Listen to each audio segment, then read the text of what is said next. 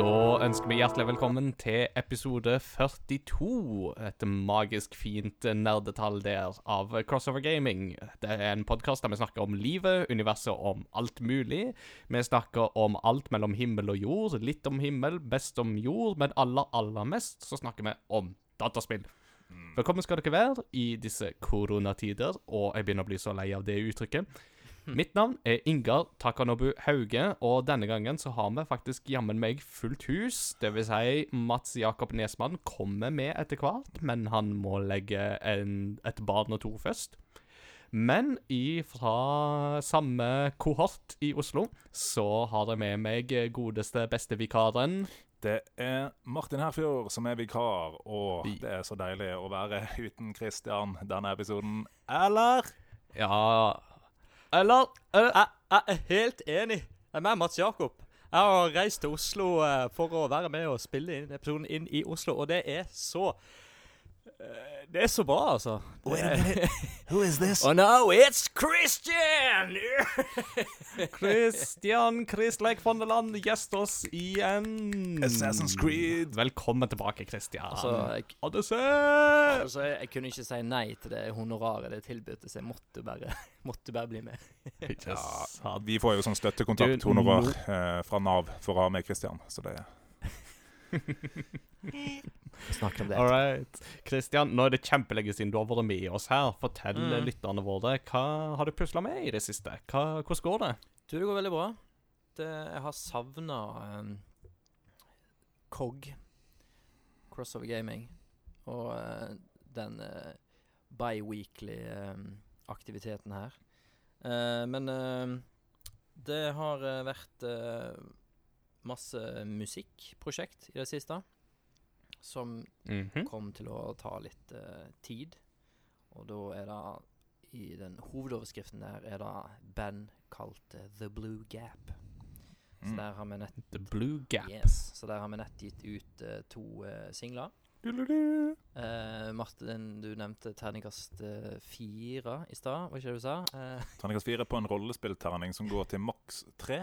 Ja. Så, eh, På en 1D3-terning. uh, det er én ting, og en annen ting er at jeg har begynt i ny jobb. Jeg har ikke, jeg slutta i den gamle, men jeg har bare tatt på meg litt. Eh, jeg jobba 80% før, og nå jobber jeg 100 Mm. Og eh, Ja. den nye jobben er jo veldig eh, Unity og spillutvikling eh, relatert. Og jeg har jo nerda litt om Unity eh, tidligere i den podkasten her. Og akkurat hvor den jobben er, er òg relatert til en tidligere episode i den podkasten her. Det stemmer. Yes. Det stemmer. Ja, for vi hadde tidligere besøk av eh, Peter Måseide, som er head of games i uh, Agens. Yes, pluss én på den. Eh, Yes, det var jo mannen som coina pluss én-begrepet. Det var han som uh, Som oppdrog oss der. uh, og der begynte jeg i mars med QA, da. Som er ikke question and answers, men som er quality assurance. Som er spilltesting, da, mm. egentlig. Ja. Nice. Så det, det er liksom eh, der det har gått eh, mest i, i det siste. Kult. Og uh, jobbe litt med spill òg. Mm. Ja. Så det å være på en måte en del av quality assurance vil jo egentlig si at uh, du må jo prøve å finne plasser der spillet krasjer og sånt, så du får egentlig bare en spillkode i nevene, og så sier du I'm gonna wreck it! Mhm. Ja. Nei, det er um, Jeg tror jeg hadde to dager der før uh, korona kom. De to eh, første dagene der så var det litt sånn Åh, nå lærer jeg jo dødsmasse om Unity av liksom alle de sjukt dyktige programmererne og spilldesignerne som sitter her på kontoret, og så bare Mm. pjo, forsvant de. Mm. så det har vært litt sånn hjemmekontorfest der òg. Men en, um, yeah. det er veldig kjekt. Veldig gøy. Det var et Ja. uh, real life-virus utenfor, og så mens inne på spillet skulle du finne virus inne i spillet. Ja, det var en eh, Det var meta-kua der, altså. Mm. Går det an å reboote 2020, altså restarte 2020, eh, pga. virusproblemer? Hmm. um, Ja, jeg tror egentlig bare du får en patch at vi starter 2021 litt tidligere, egentlig. Mm. Ah, Den releasen Det er må om man egentlig vente på 2021-patchen. Ja, jeg tror det blir en tidligere release. Det er i hvert fall en, en early access på 2021 som starter i oktober. Det er sikkert en paid DLC. Ja. Jeg tror vi Oh, mista halvparten av lytterne. ja vi da, nei, vi skal prøve. vi gleder oss til Crossover Gaming, The Game, som du skal lage. Ja, som I, jeg selvfølgelig Agents. skal lage. Ja. Ja, nice. Yeah. Jeg er så klar. Uh, jeg håper det blir en sånn beat them up i beste sånn Scott Pilgrim versus The World The Game-stil, eller noe sånt. Ja. Det hadde vært gøy. Choose your character! Vi skal komme litt Yes. Vi skal komme litt mer inn på beat them up seinere. Uh, Mm. Martin, har du noe eh, du har lyst til å melde siden sist, som du har holdt på med? Absolutt ingenting. Uh, det vil si Jeg har eh, vært inne eh, med hjemmekontor, og jeg og madammen har bare en stue som vi begge må ha hjemmekontor i. Uff Så mens jeg eh, har lite å gjøre på jobben, så får jeg jo spilt en del, da. Men det kommer jo Mm. vi til seinere. Det gjør vi jo. Eh, spilling og sånt har vi jo pleier vi alltid å holde på med, men én ting vi ikke har gjort så mye før, er å streame spillinga. Eh, og det prøvde jo jeg meg på nå si, sist vi møttes. Ja. Eh, på mandag så var det jo May the Fourth, eh, dagen da alle Star Wars-fans utvikler en talefeil eh, og begynner å lespe. Så vi tenkte jo det at det hadde jo vært gøy å markert det med å strømme litt Star Wars Battlefront 2. eh, der jo siste oppdatering kom i disse dager. Eh, da har de lagt til Scariff som spillbart eh, brett, og da lagt til Rogue One-innhold.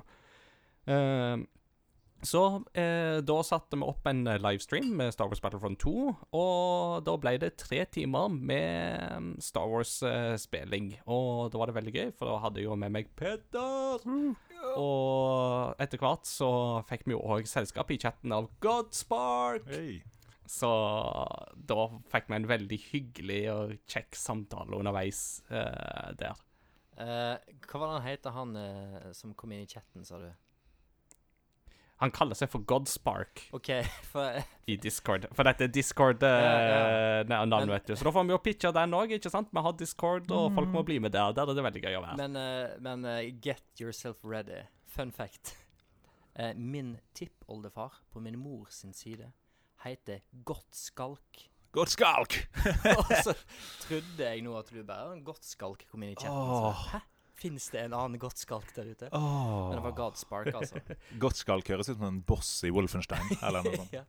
Eller, eller Bloodborne, kanskje. Jeg, jeg, ja, jeg, jeg vet for a fact at det er et uh, tysk navn, etternavn som lever i beste velgående, uh, men uh, det ble jo en fin Ja.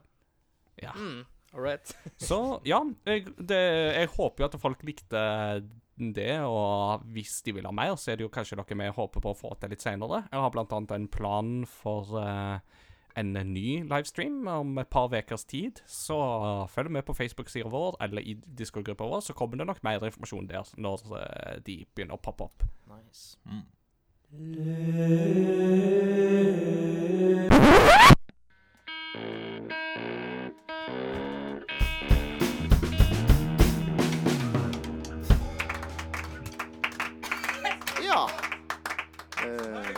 Himmelsk lyd fra ungdommene. Eh, nå er det ukens kunngjøringer. Oi, oi, oi, der skjedde det et eller annet. Det ble det plutselig et lite avbrudd. Eh, her pleier vi jo å ha lytterposten, men eh, plutselig så kom kunngjøringsbandet inn og annonserte at vi skulle ha kunngjøringer i stedet. Herlig musikk. Det er da fordi Ja, det er himmelsk lyd for, for ungdommene. Og det skyldes jo rett og slett da at i denne episoden så skal vi ha en litt annerledes eh, oppsett i programmet, så da blir liturgien litt annerledes. Eh, så vi kommer tilbake til lytterposten i del to. Men eh, det betyr at da har vi mer tid til å snakke om kunngjøringer nå i del én. Og for bare et par timer siden, når vi nå tar opp, så fikk vi jo da eh, Inside Xbox, en eh, 30-40 minutter lang livestream fra Microsoft, der de for første gang skulle vise oss spill og gameplay fra Xbox Series X. Mm. Den er nå ferdig, og da lurer jeg litt på, Carla, hva er førsteinntrykket av eh, Hva sitter dere igjen med etter den? Mange kule spill. Um, veldig kult inntrykk. Jeg får jo lyst på Xbox eh, Series X, selv om jeg sannsynligvis ikke kommer til å um, prioritere PlayStation. Uh, men okay. det var jo bare tredjepartis uh, spill vi så her. Uh, det jeg reagerte mest på, var nok uh, Assassin's Creed Valhalla. Som snakka om at de skulle vise um, gameplay. Og Mm. det så veldig eh, cinematisk ut, eller in eh, engine, i hvert fall. Um, Mm. Så jeg fikk ikke sånn veldig inntrykk av hvordan det er å spille det, men veldig mange kule spill. Mm. Mm. Veldig Jeg, jeg tror eh, Ubisoft har misforstått begrepet uh, gameplay-trailer. Ja. For det var jo veldig lite gameplay vi egentlig fikk se. Vi fikk jo se mest in game cinematics. uh, så det var litt stusslig. Men uh, ja. Og det bringer oss jo inn på det at eh, Assassin's Creed Valhalla er jo annonsert siden forrige episode. Mm. Så det blir jo veldig spennende. Eh, det som tidligere ble teasa som Ragnarok, men jeg liker Valhalla bedre. Altså, eh, før vi går videre, kan vi snakke bitte litt mer om den Xbox-streamen som var? Mm. Ja ja, dette var bare en digresjon Ja, okay, om uh, okay. Assassin's Creed Valhalla. Ja, sorry, jeg trodde du gikk videre her. Men uh, eh, Nei, nei. Veldig fett at det var så masse nytt. Mm. Eh, satt og så på den streamen og tenkte Å ja, er det Alien Isolation 2, eller hva er det for noe? Er det Evil Within 3? Ja. Og så bare Nei, noe helt nytt. Så kommer det en ny sånn gameplay-greie. Scorn. Mm. Ja. Eh, det var liksom Det skjedde flere ganger. da Liksom Å, er det Forza igjen? Nei, det er faktisk Dirt 5. OK. Mm. Hakket hakket friskere. Men eh, Mm. jeg, har, jeg har notert meg en ting her som Jeg veit ikke om det var bevisst, eh, men nydelig hvis det var bevisst. Og det er at ehm, når uh, PlayStation Altså, det virker som Xbox hadde et stikk til PlayStation her. For det at uh, okay. når PlayStation 3 ble vist fram på E3, så ble det snakka så mye om den her eh, prosessoren. Og da ble det blant annet nevnt at liksom It can even power your refrigerator. Altså, den kan styre Mm. kjøleskapet ditt. eller Liksom, ja, den prosessoren her kommer til å sitte i masse enheter i huset. Og han eh, På den streamen her så ser du jo I starten så er det vel fire forskjellige ansatte i eh, Xbox-teamet som sitter og prater. Og han ene, han har, han har liksom zooma inn på den her Xbox-konsollen. og så han satt han i kamera bak seg, og han sitter på kjøkkenet. Og så han satt han liksom sånn ser svær ut, så står han inntil veggen ved siden av kjøkkenskapene, og så ser det ut som et kjøleskap. Og det hvis det stemmer, så er det et nydelig Nydelig easter egg-stikk mot uh, Sony her. Ja. Jeg må nok dessverre skuffe deg, Christian, for det bildet er ganske gammelt. Eh, det var et meme som dukka opp ganske tidlig da Xbox Series X ble vist fram første gang. Men det var utrolig kult at de da har tatt det memet og bruker det som et bakgrunnsbilde i Mm. Teams, som jeg jo antar Ja. at de bruker siden det er Microsoft, dette her. ok. Så jeg syns absolutt det var funny, og det kan absolutt være et stikk. Det kan det jo Dobbelt være. Ja, men da skal jeg jo få meg Xbox, hvis jeg kan eh, kjøre kjøleskapet mitt. Da skal jeg bare Sparer jo mye strøm på det. Selge det til Selge det til mødre og hele Ja, ja, pakka ja. òg, vet du. Det er bare sånn 'Denne konsollen er så bra, mamma. Den er til og med operere kjøleskapet mitt'. Ja. Jeg likte veldig godt uh, Yakuza-visningen. det ble jeg gira på. Mhm. Hva het det? Et eller annet med Dragon. Like a dragon. Like a Dragon. Det ble jeg gira på. Mm. Litt sånn blanding av personer og litt mer over the top enn de forrige Yakuza-spillene, virker det som. Ja, de kjører en litt annen stil med dette Yakuza, fordi det er jo Mm. en annen hovedperson Mm. enn Kazuya. Mm. Uh, så uh, Ja, så det blir litt annet preg på det. Eh, Det blir det nok. Og det var egentlig det Jeg må helt ærlig innrømme personlig sjøl, det var det første spillet i den videoen som jeg egentlig ble gira på. Mm. Eh, alt det andre var sånn OK, jeg ser masse ting og sånt, men det, det var ikke veldig mye som på en måte talte til meg, da. Det følte jeg ikke at det var. Vi kommer vel nærmere inn på Yakuza når vi skal snakke om eh, din fortid, Ingar, og din eh, ekte historie med ekte Yakuza. Ikke sant? Men en, en sånn siste positiv ting da med streamen, eh, som jeg la merke til jevnlig, det var at så sier jeg nesten alltid viste, det var høy framerate. Yes. Det var som Mm. regel 60 frames det gikk i i det meste som ble vist. Ja. Mm. Og så snakker de jo veldig mye om dette her med på en måte um, uh, share Altså, jeg husker ikke helt hva de kaller det, men det med at du kjøper spillet én gang, og så er det det samme spillet du får både til Xbox One og til Xbox Series X. Mm. Uh, sånn at du slipper å kjøpe samme spillet flere ganger. Og det er jo noe de har promotert flere ganger. Mm. Jeg beit meg òg merke i at eh, Bandai Namco viste jo fram et helt nytt spill som de aldri har vist før, som de kalte vel for Scarlet Nexus, eller et eller annet sånt. Og det synes jeg så ut som en blåkopi av Astral Chain. Ja. Så det var litt Ja. sånn Bandai Namco bare sånn Hei, Platinum Games lager noe kult. La oss kopiere det og bruke plantemonstre istedenfor uh, Aliens, disse ja. Chimeras i Astral Chain. Det er et helt annerledes konsept. Vi lover. Men Astral Plane så jo helt likt ut. ja. ja, hvis det var Astral Plane, da. Men det ligner Så- veldig. Mm. Så jeg må si sånn helt personlig, så var jeg nok kanskje litt underwhelmed, men uh, det er sånn det blir av og til. Mm. Så ja. Jeg er nok kanskje mest gira på den konferansen de annonserte at de skal ha i juli, når de viser inhouse-materiale. Mm. Andre kunngjøringer, eller er det noe mer du vil dele før eh, vi eventuelt går videre? Nei, det var Her ristes det på hodet, og da kan vi jo bare gå videre til den andre store nyheten som har vært si, sist vi samles, er jo at The Last of Us Part 2 har endelig fått en slippdato. Det kommer da 19. juni. Eh, og som en konsekvens av det, så blir Ghosts of, Ghost of Tsushima eh, forskjøvet til 17. juli. Sånn at de ikke skal spille samtidig, altså. The Last of Us 2 har imidlertid havna i eh, litt eh, trøbbel, for ganske mye av historieinnholdet i spillet har blitt lekka. Eh, det antas at det er hackere som har, står bak dette, at det ikke er en inhouse lekkasje fra en misfornøyd ansatt, men at det da er hackere som har vært på ferde og spredt det ut. Og Sony jobber jo selvsagt hardt for å slå ned på det materialet, men når ting først havner på internett, så er det jo vanskelig å bli kvitt det. Så vær forsiktige når dere er i sosiale medier, og prøv å unngå å få historien spoila hvis dere er opptatt av det. Mm.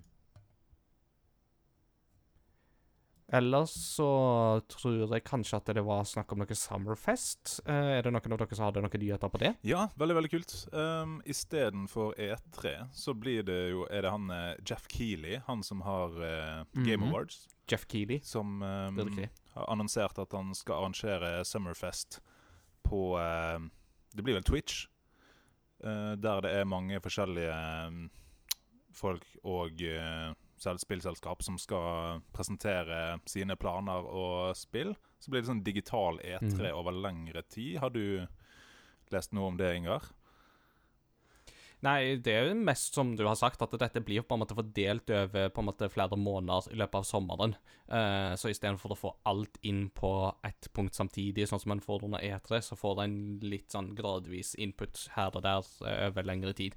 Men det virker jo absolutt som en eh, gøyal greie, der de kommer til å vise fram litt spennende ting, og at det er absolutt noe vi skal følge med på. Så jeg tenker at det er en veldig positiv ting. Og det viser jo det at uh, selv om eh, festivalene og de store messebegivenhetene utgår eller ikke kan arrangeres som normalt, så er det jo fortsatt mulig å få til en del ting eh, i 2020 uten å samles fysisk. Så det er jo veldig bra. Ja, jeg tenker jo Å ja, E3, bare mer E3.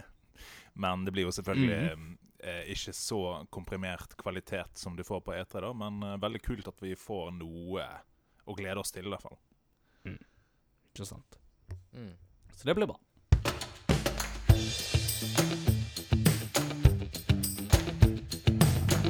What you been playing lately? What you been playing lately?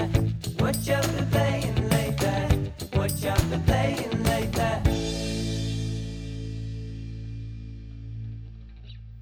Da tenker vi at vi må se litt mer på hva vi har spilt i det siste. Og Christian, nå er det jo veldig lenge siden vi har hørt fra deg og hva du har spilt i det siste. Så fortell oss what you been playing lately. Jeg har jo eh, spilt eh, veldig mye et skatespill eh, som heter Skate City. Men eh, det er jobbrelatert. Uh, det her blir jo litt sånn old news, kanskje, eh, for lyttere. Mhm. Eh, men et spill som jeg har spilt masse. Ikke helt ferdig med det, men eh, det er fordi jeg tar meg god tid. Jeg nyter det, og jeg eh, griner i hytt og pine. Og det er jo selvfølgelig Ori and the Will of the Wisp. Mm. Ja Og det er oh.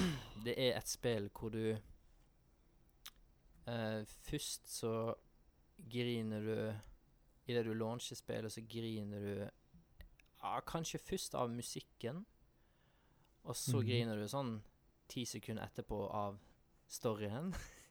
og så griner du resten av at det liksom At It's Alive. Det ser så vanvittig vakkert og fint ut, og alt i bakgrunnen eh, reagerer og danser i vinden, og når du går forbi buskene, så beveger buskene seg, og musikken igjen. Altså, jeg får en, den følelsen som jeg fikk når jeg spilte Rayman 2 The Great Escape da jeg var liten, som var helt sånn derre Mm. Det her er magi.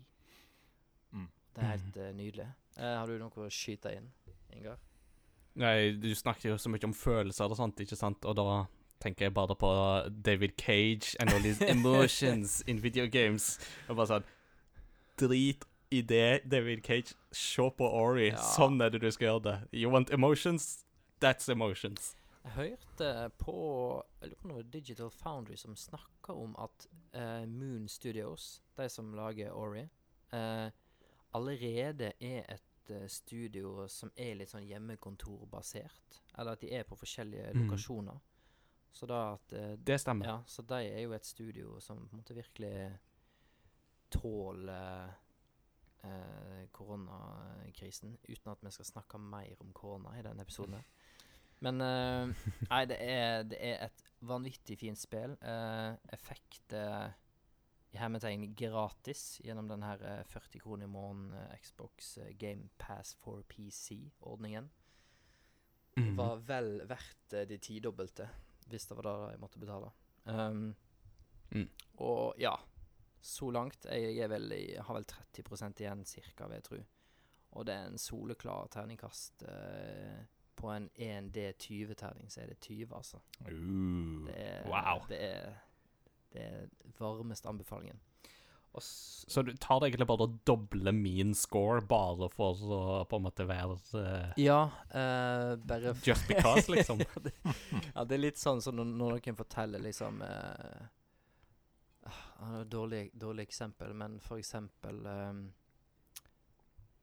ja, når, når står du opp i dag, da? Jeg står opp klokka seks. Når står du opp? 0600? Nei, sier du halv Nå, seks. halv seks. Å nei, jeg husker feil. Jeg mente fem. Eh, sant, så det liksom bare overgår uansett. OK, anyways. Uh, It's good to have you back. Og et annet spill som jeg har uh, spilt litt, eh, men jeg har satt det liksom litt sånn halvveis på pause, for jeg eh, driver og planlegger å kjøpe meg en ny TV. Som er inspirert Mhm. av den TV-en du har, Ingar. Eh, Oh yes. og, men så det andre spillet jeg har spilt, er et PlayStation-spill. Som jeg har spiller eh, bare litt her og der, for å lade opp til et, en oppfølger som kommer i sommer. Og det spillet her Mhm. er altså The Last of Us. Og da spiller jeg den her remastered Yeah. eh, versjonen som er på PlayStation 4. Og det er Det er fortsatt uh, veldig, veldig bra. Mm. Um, Jeg har jo absolutt planer om å få starta på en sånn gjennom, ny gjennomgang sjøl. Da av PlayStation 3-versjonen, for det er den jeg har. Ja. Så nå må jeg snart uh, Nå har jeg en dato som jeg må forholde meg til, da, så det hjelper jo. Jeg kan fortelle Jeg har en til spillplan, da. Som eh, Mats Jakob sikkert hadde hatt lyst til å dele her. Men en kompis av Mats Jakob eh, skal selge sin GameCube. Og eh, med Mhm. noen kontrollere og minnekort og en haug med spill. Eh, og tilfeldigvis så var det had, var en del av de i hermetegn dårlige spillene, eller det er jo dårlige spill, som han også skulle selge, er spill som jeg vokser opp med. Blant annet Mm. Enter the Matrix. Who Ah. can forget? Ah. That hidden gem. Eh, game. Og så har jeg og Mats Jakob snakka litt om liksom hele denne retro-greiene og TV og alt sånt. Og så har jeg tenkt jeg har altfor liten leilighet. Men så har jeg faktisk bare sagt til han kompisen til Mats Jakob at du, den, eh, den kjøper jeg. Nice. Så nå, eh, nå er jeg eh, stygt eh, på vei inn i retro-verden, jeg òg, altså. Med Deilig. store Nå fysiske, skal du få tunge ting. kasse-TV neste. Ja. Ja, nå er det rett i Akihabara next. Oh, yeah. For er sånn. Ja da. Så det er litt sånn langtidsprosjekt. Sweet. GameCube er fortsatt min favorittkonsoll, tror jeg, Mm. gjennom tidene. Det er en kontroller som fortsatt blir solgt til nye spill som kommer ut Mhm, nå. mhm. Så det er en bra konsoll. Mm. Da tror Og fortsatt en av de få konsollene jeg vet om som har håndtak. Yes. Ja. All right. Jeg tror jeg er ferdig. Ja, Martin, hjem. Vil du fortsette? Jeg- Nei, nei, nei. Å ja, men du hadde glemt Assassin's Creed Odyssey! Du vet hva? Jeg har faktisk spilt Assassin's Creed Odyssey. Yeah! Men, men, eh, men for, for å bare liksom uh, bli ferdig med Odyssey, da. Grunnen til at jeg i en periode snakka så mye om Odyssey, er at det er et spill som tok lang tid å gjennomføre. Jeg hadde en Japan-tur Mm. midt inni der. Eh, så da snakka jeg liksom Da ble det liksom to-tre måneder plutselig med Odyssey. Men i denne coronas times så var jo Odyssey gratis på PC ei helg. Så da prøvde jeg litt Odyssey. igjen. Mhm. Du blir aldri ferdig med Odyssey, Kristian. Men eh, jeg er veldig, veldig masse mer glad i The Witcher 3. Bare sånn at det, det er sagt. Det er det som er fasiten. Jeg Ja. må jo innrømme at uh, Valhalla er jeg litt keen på å spille, men jeg har jo en sånn merkelig tvangstanke Eller det er ikke en tvangstanke, for det er litt slemt å si for de som har tvangstanker. Men jeg er liksom merkelig skrudd sammen med det med at hvis jeg skal sette meg ned med et spill i en serie, så vil jeg alltid Mm. ha spilt spillene som kommer før. Og jeg har litt å ta igjen på Assassin's Creed. uh, for det Ja. forrige jeg spilte, det var Black Flag. Men Så de, jeg har litt å ta igjen der, altså. Men uh, rent sånn eh, storymessig så står nok de fleste av de spillene på egne bein. Hvis det er det du tenker Det på. gjør det jo, Ja. men uh, jeg er òg litt opptatt av å på en måte observere hva er nytt. Liksom grafisk, teknisk, musikkmessig, Ja. eh, menykontroll Altså alle de tingene der er jeg òg opptatt av å se den gradvise utviklinga, sånn at jeg Mm. kan putte endringene i det nyeste spillet i en kontekst, Mm. og se dette er faktisk det de gjør som er nytt, og er det positivt eller er det negativt? Mm. Spilte du alle Kingdom Hearts-spillene før Kingdom Hearts 3? Du, jeg har ikke spilt Kingdom Hearts 3. Jeg har bare, jeg har bare spilt Kingdom Hearts, det Ah. aller første, og jeg likte det ikke. Rebirth Mm. by Sleep uh, 2.75. All right. Dere vet jo på uh, lagnavnet vårt på spillquizen på Tilt har jo pleid å være Half-Life 3.7 Final Mix Episode 2 HD Collection Confirmed. Hey. Og da har vi òg av og til slengt inn sånn der eh, Final Mix Ja, Final Mix har jo pleid å være dem men så har vi også slengt inn litt sånne ekstra tall og litt sånne ting i tillegg. Så det er en veldig klar Kingdom Hearts-spoof der. Mm. Sweet. Yeah. Bra, det. All right, enough about me. Uh, Martin, please uh, talk to me. Yes, jeg fortsatte på tråden fra forrige episode. Da hadde jeg bare begynt på Griftlands. Og nå har jeg altså runda Griftlands, det som er i alfa. Så har jeg fullført storyen med de karakterene som er mulig å gjennomføre med. Veldig, veldig kult. kult. Eh, anbefales til alle som liker eh, spesielt eh, card games, da. Men det er jo RPG med en deilig grafikk, som vi snakker om. Det her Atlantis-Disney-grafikken. og eh, Veldig veldig smakfullt. Det er fortsatt bare i alfa. Så det er ganske imponerende hvor stort det er allerede. Så det er en, da en tredje karakter som venter på å bli fullført. da. Nice. Så det har jeg spilt med bl.a. Kjetil Austad. Er det multiplayer-spill, liksom? Eh, nei, vi har eh, sett på hverandre spille og hj- hjulpet hverandre og sånn. ja. Ja. Sånn som han spilte um, Will of the Wisp men jeg, mens jeg så på. Åh. Det var jeg som runda det for han. mens Gråt han, du eh, mens han spilte, da? Ja, det var en liten løk i kroken uh, ved Ja, siden, ja, ja, ja. Siden av PC-en der. Altså. Det var litt støv som ja. plutselig kom på øyet. Det var det. Nei, fantastisk. Um, så, i disse corona times, så um, er det den verste tingen for meg. Uh, veldig egoistisk å si, men det er det som påvirker meg mest i disse tider, er at det ikke spilles fotball. Uff a meg. Det her er feil podkast. Snakk om, snakk om det. Men uh, Nei, nei, nei, nei, nei. Vi har omsorg for hele mennesket. altså- Kropp, sjel og ånd, og det inkluderer uh, fotballånden. Så det er et Ja. spill, det talk to me about your troubles, mate. Fifa er et spill. Uh, nei, men så um, er det bare én ting å ty til, og det er Football Manager. Så Mhm. da har jeg hatt en veldig fin symbiose mellom å ha sett på Netflix-serien Sunderland Till I Die, som er veldig emosjonell om fansen, stedet, spillerne, managerne. Du får dypdykk i alt som skjer der. Spoiler, det er ganske trist. Og i tillegg så har jeg vært manager for Sunderland i Football Manager. Og hatt Sett mitt preg på spillerne og fått dem til å rykke opp og snu den dumme trenden. Så um, Så når du ser serien, så bare Altså, hadde bare jeg vært manager, hadde Ja. ikke blitt sånn. ring meg, Sunderland, ring meg. uh, og det er jo litt som Civilization at det kan eh, sluke timer og dager, for å si det mildt. Mm. Så eh, det er stort sett det. Jeg har nesten ikke spilt Heartstone engang. Så Oi. mm. Jeg bare kom på eh, Pondus har jo eh, noen sekvenser der han spiller football manager, men jeg liker den ene måten han gjør det på, med at han spiller som trener for Manchester United og bare tar dårlige valg for at de skal rykke ned. Så han selger jo de beste spillerne for en slikk og ingenting og kjøper sånne der båndspillere for syvende divisjon i Burkina Faso og whatnot, liksom. Ja, altså, jeg har Å oh, nei, å nei, nei, nei, nå er det styremøte. Jeg tror de eh, Jeg tror de har fått ferten av meg. Jeg kunne gjort det med Liverpool, men altså, jeg har mye tid eh, nå. Men ikke så mye tid at jeg gidder det, altså. Nei.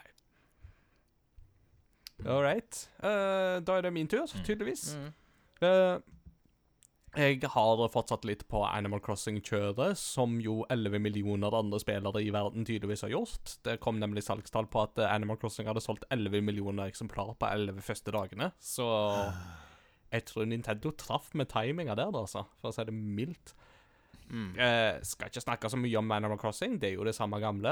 Og jeg er fortsatt gjeldsslave under Tom Nook, men nå kan jeg bygge bruer og trapper og litt sånne ting. Og hun her som selger turnips, som jo folk eh, går så gale av på nettet, Mhm. fordi at det er jo basically Animal Crossings svar på aksjemarked er jo å kjøpe og selge turnips. Mm. Men jeg har ikke sett snurten av henne. To søndager på rad så har hun ikke dukka opp på min øy, selv om hun skal jo egentlig gjøre det, så jeg skjønner ikke hva jeg gjør feil. Mm. Så hvis det er noen som hører på, uh, og vil gi meg en litt sånn startertips for hvordan en kan bli en sånn turnips-addict, så er det bare å gi beskjed. Du skal ikke begynne med gulrøtter, da? Ja, jeg kunne gjerne gjort det, men uh, det er liksom litt sånn stusslig med gulrøtter på øya mi, da, så Jeg tror eh, du må ha høyt nok økonomisk innskudd eh, før det aksjemarkedet Før du kan gå inn i det aksjemarkedet der, eh, og da kommer hun, da. ja, så er det egenkapitalen det står på, rett og slett. Jeg tror du må bare passe på at du har så og så mange sånne Nintendo coins i Mm. Nintendo Store. Absolutt. Så. Ja da. Men uh, nå er det i alle fall Isabel som uh, annonserer morgenmeldingene hver gang jeg uh, starter spillet. Før så var det jo Tom Nook, men nå har vi bygd rådhus, og da tar han en litt mer sånn tilbakelent rolle, og så er det Isabel som gir de daglige oppdateringene. Og fortsatt, Isabel er den uh, spillfiguren jeg identifiserer meg mest med sånn jobbmessig, så representation matters. Snakker vi nå av alle spillkarakterer i hele verden? Ja, ja, for at eh, hun jobber jo som underverdsatt byråkrat. Som egentlig er den som gjør alt eh, for folk, men ingen legger merke til det og gir henne takk. Behind Så- the scenes. Jeg har egentlig eh, konkludert med at Isabel uh, er meg i den konteksten der. Nice. En liten uh, oppdatering der er da at nå har vi fått med Mats Jakob på øre og øyn- øyne, så Mats Jakob, si hei til lytterne. Hola. Hola! Sashibori. Sashibori. Yeah. Vi skal tilbake til deg om en liten stund, Mats Jakob. Eh, jeg holder på å gi en liste over hva jeg har spilt siden sist, og etter det så kan du komme med de lista. Supert. Yeah. Men jeg måtte liksom anerkjenne at du var her. Det, er vel, det setter jeg veldig stor pris på. Yeah. Eh, så eh, Animal Crossing har de da nevnt. Um, og så Det spillet som jeg ikke snakket om sist gang, som jeg kan snakke litt mer om nå, det er et spill som heter Sakura Wars, som kommer på PlayStation 4. Uh, Sakura Wars er nok kanskje ikke så kjent for veldig mange vestlige spillere, men det kan hende at det er noen som har hørt om Valkyria Chronicles, som er på mange måter den åndelige oppfølgerserien til Sakura Wars.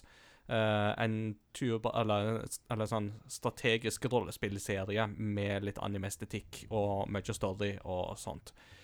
Eh, Sakura Wars var en veldig stor serie på Sega Saturn og Sega Dreamcast, som jo var store konsoller i Japan, men aldri solgte så veldig bra her. Uh, og det eneste spillet i serien vi har fått tidligere, er et eh, Wii og PlayStation 2-spill som aldri solgte så veldig bra.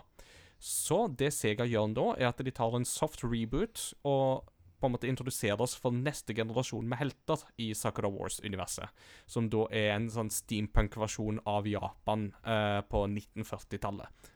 Eh, det funker egentlig veldig greit, med tanke på å ha det som en inngangsport i eh, serien for nye spillere.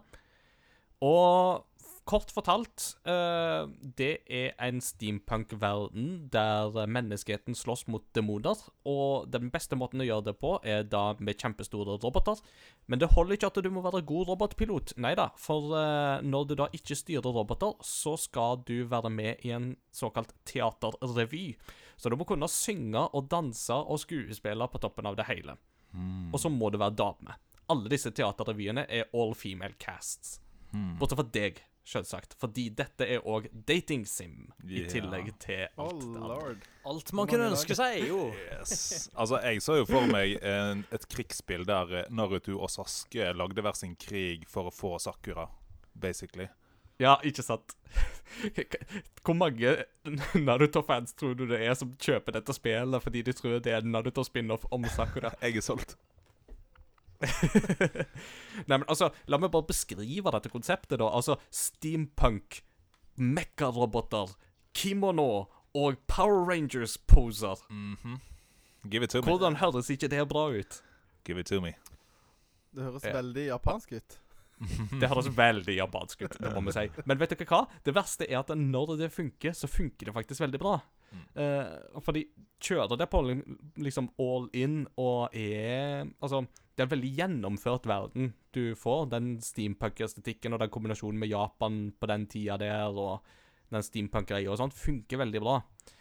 Um, og det Altså, når heil, denne kombinasjonen av sjangere funker, så funker den veldig bra. Men det som er litt av problemet, er at veldig mye av den dating-sim-delen er Det er veldig mange kleine, flaue øyeblikk som lukter veldig av litt sånn her har dere ikke tatt en metoo-oppvask og lært om asymmetriske maktforhold, f.eks., så Er ikke det sånn sett veldig autentisk japansk?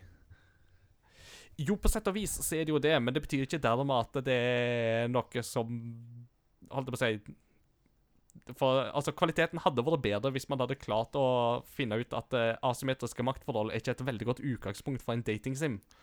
Yes. Eh, så, ja. For det er jo litt det der med at du spiller jo som kapteinen for denne troppen med all female uh, actors slash robot uh, pilots. Og du samtaler med de i litt sånn Telltale Games-stil, med at du har flere valg om hva du sier og sånt, og de valgene du tar, påvirker relasjonen til de både profesjonelt og romantisk.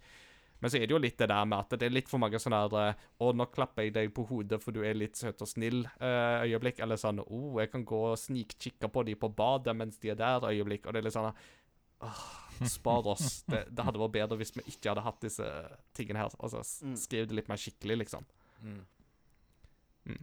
Så det er litt synd. Men eh, det har noen eh, positive meritter med seg. Eh, musikken er fantastisk. Og det som må nevnes, er at eh, det er serieveteranen KH Tanaka som har laga musikken til Sakura Wars-spillene helt siden 1995. Og han er mest kjent for å lage musikken til OnePiece. Mm. Det var en anime Han har òg laga musikken til Ja, han har òg laga musikken til Grav eh, Gravity Rush eh, på PlayStation. Hvis noen av dere har spilt det. De har fantastisk musikk, de spillene.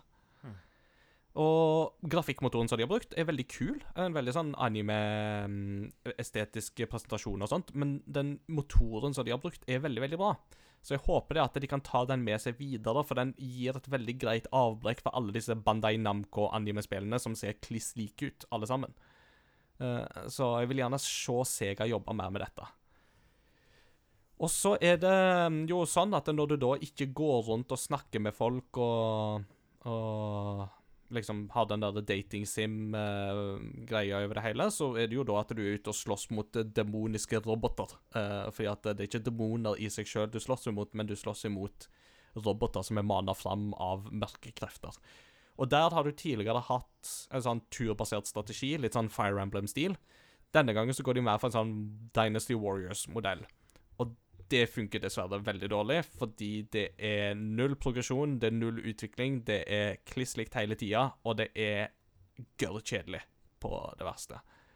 Uh, Mm. Så det er veldig repetitivt, og det er liksom ingen nye komboer eller nye levels eller våpen eller noen ting du utvikler underveis, så det er litt sånn så- Men du Så- anmeldte det, gjorde du ikke det? For Game Ja. ja. Anmeldelsen ligger på Game Reactor, og la, lander vel på en seks av ti av det. Det syns jeg er helt innafor.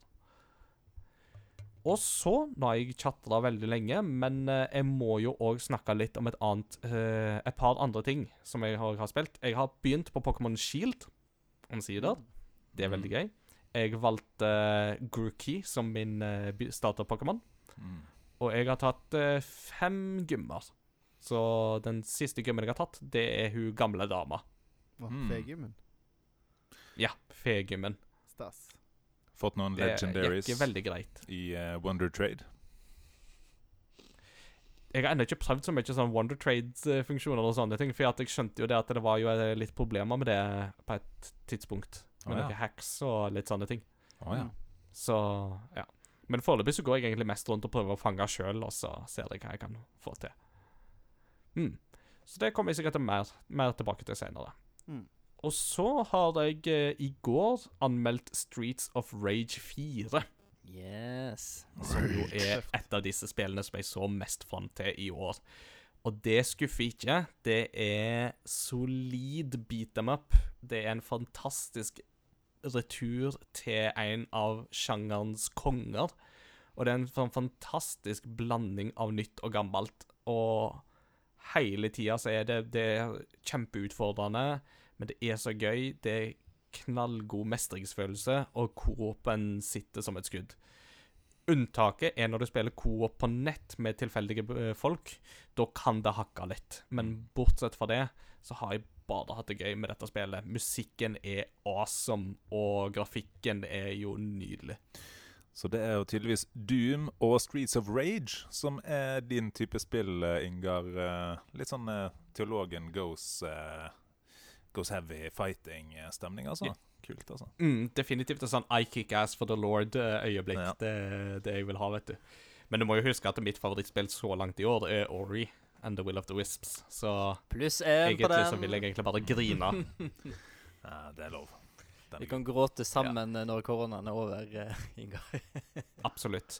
Du vet, Først så vil jeg gråte litt sjøl, og når jeg har gjort det, så vil jeg bringe den følelsen til demoner og tilfeldige bøller og pøbler på, um, i mørke amerikanske bakgater. Så derfor så må jeg levere litt eh, vold og rettferdighet. Mm. Mm.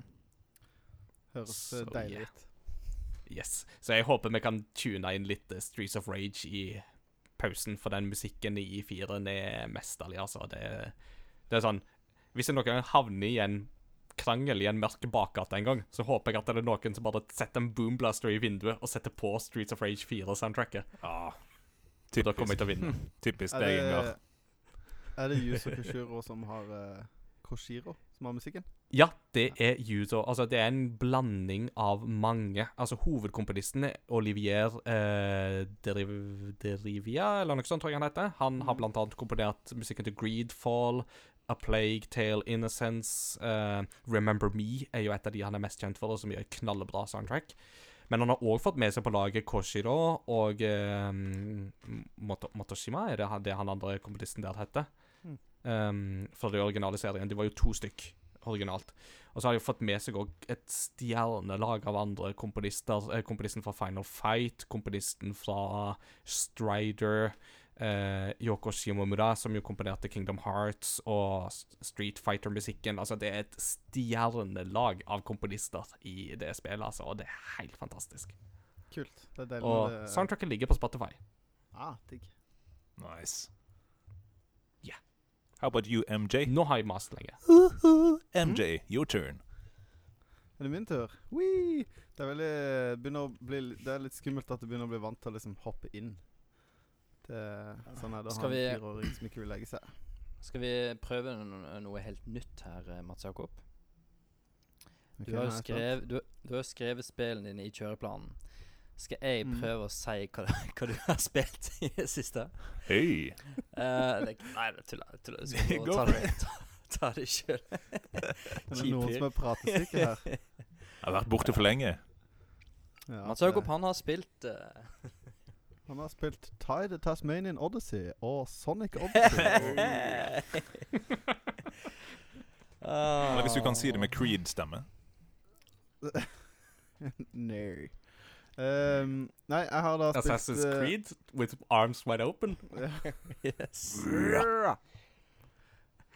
Nei, jeg har eh, Det er ett spill jeg har spilt mye, og så er det flere spill jeg har småspilt litt. Uh, og det spillet jeg har spilt mye, det er uh, Tie the Tasmanian Tiger HD. Som er et spill som jeg har spilt som, som barn. Så Det er jo GameCube PS2. Ja. æraen. Absolutt. Mm. Det kom ut på Jeg hadde det på GameCube.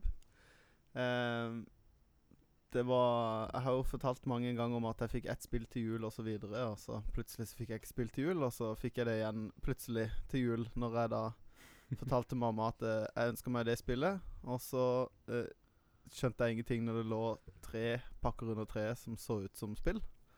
Så skjønte, vi hadde ikke DVD-spiller, så jeg tenkte Hva kan dette være? Og så fikk jeg jo da tre GameCube-spill til jul. What? Oh, Fordi mam mamma sa det Jeg fant det på salg. Så det var salg, så da kjøpte hun tre. Og det satte av en sum, så da bare plukka jeg ut noen. Så jeg fikk uh, Tony Hawk 3, Tide the Tasmanian Tiger og Nei, det siste husker jeg ikke. for Jeg spilte bare de to, tror jeg. To av tre er jo uansett jackpot. Et eller annet boksespill, tror jeg. Ja, Det var litt sånn random, det siste. Nei, men uh, veldig gode minner til Tide Tasmanian Tiger-spillerne. både én og to. Treeren er ikke så veldig stas. Tapte det så litt. Men for de som ikke vet hva det er, det er uh, en eh, 3D-plattformer i kjent stil, Collectathon. Eh, du skal samle masse ting, gjøre litt sånn små oppdrag, og samle da spillets eh, stjerner, jiggies, som heter eh, Thunder Eggs. Det som er rosinen i pølsa i det spillet, her er at alt foregår i Australia. Og det er fullt voice-acta på australsk. Så, og det, eh, det bare eh, drypper. Altså, det renner over av klisjeer. Med liksom Shrimps on the Barbie og The Billabong, og det er liksom ikke måte på, da. Men eh, det er veldig sånn gjort med litt sånn Det er gjort, det er gjort med et smil om munnen, da, tror jeg. Ingar? Hvor, hvor mange rollefigurer i spillet heter Bruce? Eh, jeg tror det er bare én. Ah, ah, ja, men én er jo ganske bra, da. For det er jo klassiske Ifølge Monty Python så heter jo alle i Australia heter jo Bruce. Så det er jo Hello, Bruce. Hello, Bruce. How are you, Bruce? Oh, there's Bruce. He's married to Bruce. Og da er jo selvsagt Bruce et kvinnenavn i dette tilfellet, fordi vi er på 70-tallet. Ja, ikke sant, Mm. selvfølgelig.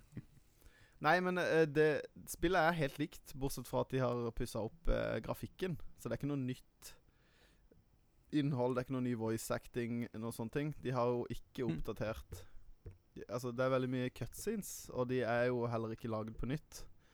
Men har fått en eller annen for, Men de har fått en eller annen overhaling. De ser ikke så ille ut. Ellers så så de veldig bra opprinnelig, jeg husker ikke.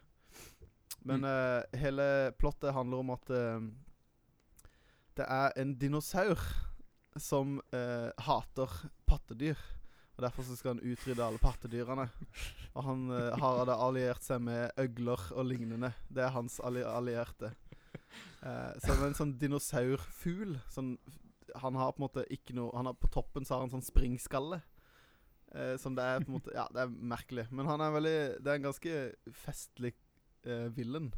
-hmm. Som egentlig bare er bitter og liksom eh, snakker om at liksom I'm gonna raise these mammals. Eh, det er veldig morsomt.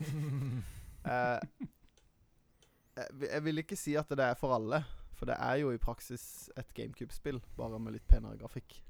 Eh, det er jo for mange, men ikke for alle. Eh, og det er langt ifra perfekt eh, spill, men jeg har jo eh, veldig nostalgiske Jeg er jo veldig nostalgisk for det spillet, så jeg syns jo det er veldig gøy Mm. å spille gjennom det igjen. Martin?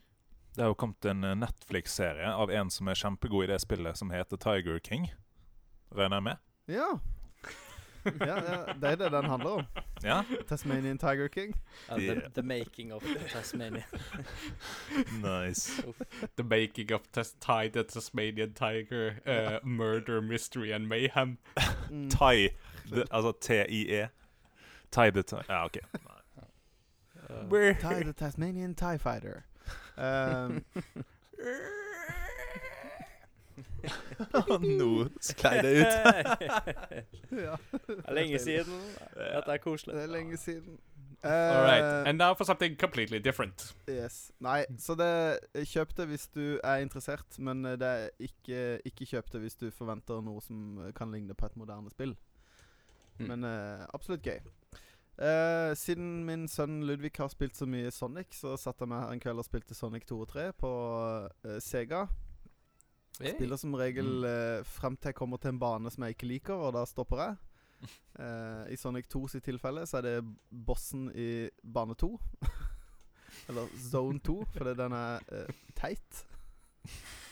For å si det rett ut. Det er, du skal ta en sånn ting, og så flytt Gulvet er liksom av og på, hvis du skjønner jeg mener. Det er sånn plattformer som Mm. forsvinner og ikke. Så du driver og Mm. hopper og skal ta den som du gjør i Sonic-stilen. Du hopper opp og skal liksom dunke i eh, Dr. Robotniks eh, en eller annen robot. Eller maskin. Og så hopper du, og så plutselig så skal du lande et sted, og så forsvinner gulvet. Og så er det instakill, liksom. Da er det om på nytt. Og det er så annoying, og du kan bruke liksom Du kan ha ti ekstra liv når du kommer til den bossen, og så Det fins sikkert en eller annen lur måte å ta det på, men jeg har aldri gidda å gjøre noe mer. Så jeg kommer som regel dit, og så dør jeg, og så blir jeg sint, og så fyrer jeg opp Sonic 3 istedenfor. Ingar? Eh, da lurer jeg på eh, Spiller du dette på original hardware? Yep. På retro-TV-en din? Oh, Mm. Så du har faktisk Sonic 3? Ja. Oh, er ikke det litt sjeldent?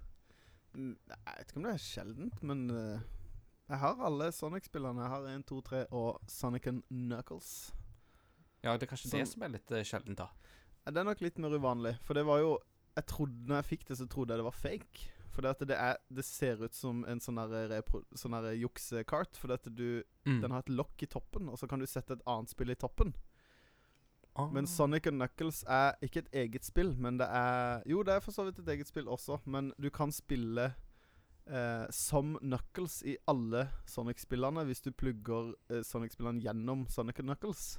Sånn er det, ja. Eh, så Sega, det er sånn merkelig. Det er innvikla Mm. greier. ja, det er, det er bare å gi opp. Nei, men Det eh, gjorde så- de òg. ja, kast deg noe. Touché. Nå, lag, nå lager de bare sånn rare japanske spill. Som Eh, Sakura Wars. Absolutt. Men eh, eh, jo, det, det er jo kjempegøy, men det er jo vanskelig. Og så er det litt sånn deprimerende å spille det i Europa, for det går så sakte. Mm. I forhold Ja, til sånn som det er designa til å gjøre i, i NTSC-regioner. Ja. Regioner. Religion. Eh, for der Mm. kjører de jo på 60 hertz, og vi har 50 hertz, så det går faktisk 12 saktere. Og Mm. det er frustrerende når du hører på bare musikken, for den går jo en annen toneart. Mm. Ja. Eh, og går mye saktere, og alt er litt sånn der Alt er litt seigt, da. Og det, alt føles litt Mm. sånn derre øh. Det er sånn Megamann òg, å spille 12% saktere. Det er jo det er som å spille med kronisk slowdown, og det er jo ikke noe gøy. Frame rate drops, liksom. Det er sånn det føles. Spesielt når du er Ja. liksom har vent deg til. Når alt du har sett av det spillet, går mye fortere og høres helt annerledes ut. Mm. Mm. Jeg beit meg merke i akkurat det der da jeg um, kjøpte meg Sonic the Hedgehog eh, på Sega Mega Drive og skulle teste det på kasse-TV-en. Mm. For da var jeg jo liksom vant med at når du skal liksom fyre opp Green Hill, så skal du gå da, da, da, da, da, da, da, Og du skal ha liksom skikkelig bra beat, ikke sant? Og så fyrte det opp, og så var det bare sånn Det gikk så seint. Og da var det bare sånn Er det virkelig sånn med PAL-versjonen, tenkte jeg da. For jeg visste jo at dette er et problem med en del PAL-spill og sånt. Men jeg har liksom alltid tenkt at Sega var flinkere på det. Men det var de tydeligvis ikke. Men det handler jo ikke om designet, det handler om strømmen. Altså sånn Mm. det, det, Ja, noen spill er, har de sikkert jobba rundt det, og det er jo ikke alle spill som blir påvirka av det. Men typ sånn spill som Sonic og Megaman er spill du merker det veldig tydelig på. Uh, for det er Mm. spill som er litt sånn fast pace, og spesielt pga. musikken. Mm. Eh, for det er jo kjent fenomen at uh, riktig tempo har vi veldig mye å si for at musikken skal være bra, eller for at den skal swinge. Mm. Så det har jeg sittet og gama. Og så hadde jeg en kveld hvor jeg satt og spilte Tony Hawk med noen kompiser. Som var litt sånn Naboen min var nede i garasjen for første gang. Han var litt sånn Å ja. eh, oi, du det mye spill. Har du Tony Hawk? Ja. Hvilken vil du spille? Nei, hvilken har du? Nei, jeg har én, to, tre, fire. Eh, jeg har ikke fem, da, heldigvis. Men jeg har, jeg har veldig mange. Eh, så vi fyrte opp det, og det er veldig gøy. Det var veldig gøy, for jeg har eh, min venn Simon, som jeg har fortalt om før, som eh, har spilt litt bass Simon! for oss. Og eh, har gjort litt forskjellig, og som er helt dustete god i Super Nintendo. Han har aldri spilt PlayStation før i hele sitt liv. PlayStation 1. Så det var veldig gøy å se noen prøve Tony Hawk for første gang. Mm. Det var en fascinerende opplevelse. Bare sånn her eh, Jeg fikk 200 poeng liksom første to minutter han spilte. Og det, til slutt så var det sånn her Ja, dere kan spille. Litt sånn som jeg er når jeg spiller Zelda med Simon. Jeg er sånn Jeg kan bare se på det. Mm. det, er det Og du satt og pekte og lo og bare «Eh, noob! ja, han fikk høre det, han, altså. Ja. Nei, det, så det har jeg spilt litt. Og det siste jeg har testa, det er jo bare virkelig bare testa. Men jeg lasta ned og fyrte opp Trials of Mana-demoen. Ja. Mm. Uh, et spill Jeg er veldig fan av Secret of Mana. Jeg har ikke plukka opp den Mana Collection enda Fordi at jeg var litt spent på denne her eh, fullstendige remaken av eh, Secret of Mana 2, som det har blitt kalt eh, frem til nå. Eh, Christian? Uh, Trials of Mana, er det sånne Trials eh, men med magi? Nei, nei. He's back! Han He's back in town. vi min mic. Vi muter den. Klipp ut. Kan vi bare fa fase ut han der? Eh, nei, jeg har savna det, Christian. Jeg setter skikkelig pris på det. Ilu, guys. Jeg har kanskje vært litt for dårlig på som vikar ta tørre jokes, men det, det kommer. Det kommer. Det er derfor jeg er her. liksom. Ja. Ja. Vi trengte litt påfyll. Mm. Nei, men eh, det Og førsteinntrykket er fint, det. altså Det virker som et tradisjonelt japansk rollespill. Og de har virker som de har utvida til nå på en god måte, og ikke på en sånn Final Fantasy 7-måte, hvor de har strekt mange timer ut i Få timer ut i mange timer. Men før du skal få lov å si noe, Ingar Det jeg syns var aller tøffest, var at når du skal velge Du velger Du har et eh, party med åtte, og så velger du hvem din main character er, og så velger du to som er i ditt party, da. For i Mana-spillene så spiller du alltid som tre karakterer av gangen. Eh, og det som jeg syns var kult, i stor skrift eh, Når du blar gjennom karakterene, så står det hvem som voice actor karakteren Mm. i menyen når du velger karakter. Og jeg valgte jo selvfølgelig eh, japansk voice acting, og det syns jeg er kjempetøft. At de fremhever det så mye. At det er ikke en sånn derre end credits-greie eller litt sånn derre Og du vet hvem som har voice actor fordi det er liksom en superkjent voice actor. Men det er sånn Denne karakteren har voice actor av disse. Og det var jo alltid jo bare de åtte du kan velge i, da. Men eh, for noen som er enda mer inni det enn det er, så, eh, så har det kanskje mye å si, da. Liksom, Mm. Oi, jeg har lyst til å spille den karakteren, for jeg digger den voice-actoren. Hun, er- hun er dødsgod, eller han er dødsflink til å få fram de følelsene. Og, og det kan jo virkelig heve opplevelsen, da. Det er jo litt som å Ja, det er jo, jeg syns jo det er viktig, da, å vite, egentlig. Mm. Ja. Inga. Det er jo en sånn ting som eh, Metal Gear Solid-spillene gjorde jo det. Eh, eh, som back in the day. Eh, som iallfall 1, 2 og 3 husker jeg veldig godt gjorde det. At når en ny rollefigur dukker opp, så dukker navnet til rollefiguren opp i cutscenen, og så dukker Mm. skuespillerens navn, altså stemmeskuespillerens navn opp i parentes.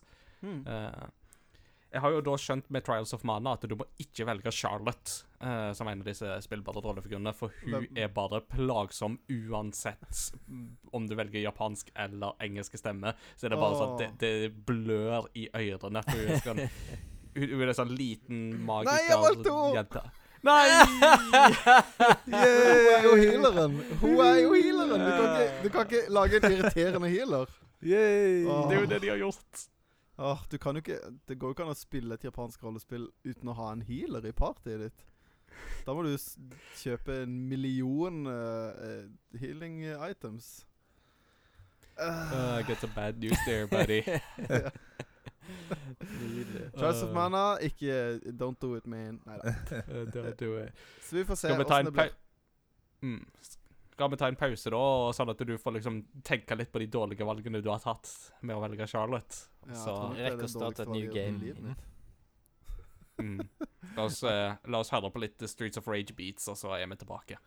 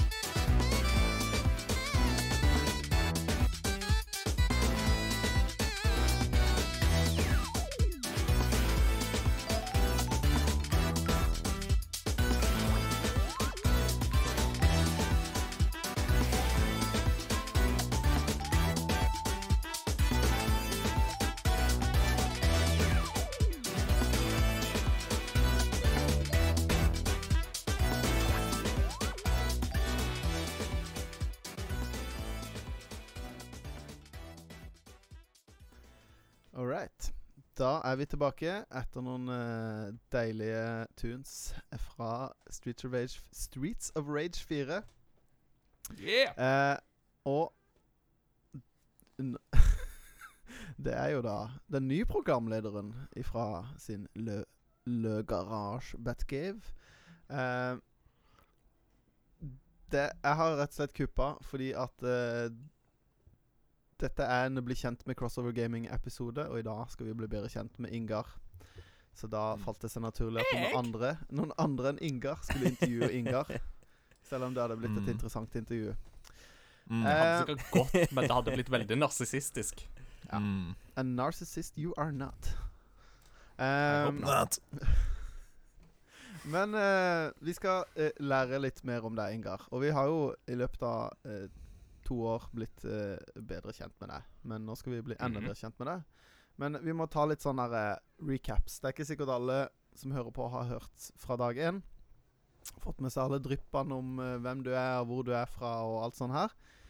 Så jeg tenker vi begynner med litt sånn Hvor du er fra. hvem i familien Hvem er du i familie med? Åssen ser familien din ut? Hvordan har det prega deg? Og litt sånn kanskje Når starta gaming for deg? Ja. Mm. Eh, og bare der alene så har vi jo uh, duka for en ganske stor porsjon med innhold. Fordi et av de farligste spørsmålene du kan spørre et misjonærbarn, er 'Hvor er du fra?' For det er jo det spørsmålet vi aldri blir ferdig med. Ja. Og som vi aldri kommer liksom helt til terms med. Og så Men ja, bare der alene så har jeg jo cua inn et eh, viktig moment. Jeg Mhm. er født i 1987, to dager etter Hobbit-dagen, og er jo da uh, made and born in Japan. Mm. Fordi mamma og pappa jobba der som misjonærer. Og når mange hører ordet misjonær, så tenker de jo en sånn langt ut i afrikanske bushen med David Livingston-klær og safarihatt på hodet. Men eh, misjonærer kan ta mange forskjellige former og fasonger og varianter, så i Japan så er det arbeidet vesentlig annerledes enn den stereotype uh, fasongen du kan se for deg. Mm. Jeg er yngst av fire, Um, og bodde da mine første år i Japan til 1996. Da var jeg ni år gammel. Så flytta vi til Askøy. Uh, ingen av oss som egentlig er fra Askøy. Eh, begge mine foreldre er vestlendinger, men litt lenger sør. Og der på Askøy bodde jeg i ti års tid. Mhm. Gikk på Danielsen i seks av de ti årene. Det er da privat eh, ungdomsskole og videregående i Bergen. Og så, i 2006, flytta jeg til Oslo, og der har jeg blitt siden. Fordi Oslo er det nærmeste vi kommer en storby her i Norge. Mm. Fra KB til Askøy. Fra KB til Askøy er jo definitivt det vi må kalle et kultursjokk, for å si det mildt. Altså, KB by er jo da millionbyen på halvannen million innbyggere. Og altså Ikke den største japanske byen, men ikke den minste heller, liksom. Og så reiser du ut til Askøy, og et godt stykke ut på Askøy òg, der det liksom på søndager går det én buss hver andre time. Så forskjellen der er definitivt uh, betydelig. Og ja, altså det med kultursjokk er jo absolutt et viktig moment der. Um, de er jo veldig opptatt av den problematikk Eller liksom det som de kaller for third culture kid-fenomenet. Eller tredjekultursbarn, som det òg heter. Mm. Eh, det er jo et fenomen som oppstår når du har barn som vokser opp på tvers av to kulturer, og som danner seg en slags tredje hybridkultur på tvers av disse kulturene. Det er jo noe man f.eks. kan se blant innvandrerbarn eh, i Norge, men det er òg ting man kan se blant ambassadebarn. Eh, barn som vokser opp med foreldre som bor i militæret, og som flytter masse rundt omkring. Eller da misjonærbarn, sånn som jeg er. Og en litt sånn gøyal ting der er jo det at uh, third culture kids har gjerne en del ting til felles, uh, sjøl om kulturene de er vokst opp iblant, er forskjellige. Og det gjør jo det at jeg alltid treves veldig godt i internasjonale miljø, uh, og liker veldig godt å henge med folk fra hele verden, basically. Så jeg er absolutt opptatt av at vi bor i verden som et fellesskap, og at ja, vi, vi bor ikke alene i denne verden. Vi, og vi har masse å lære av hverandre. Mm. Mm.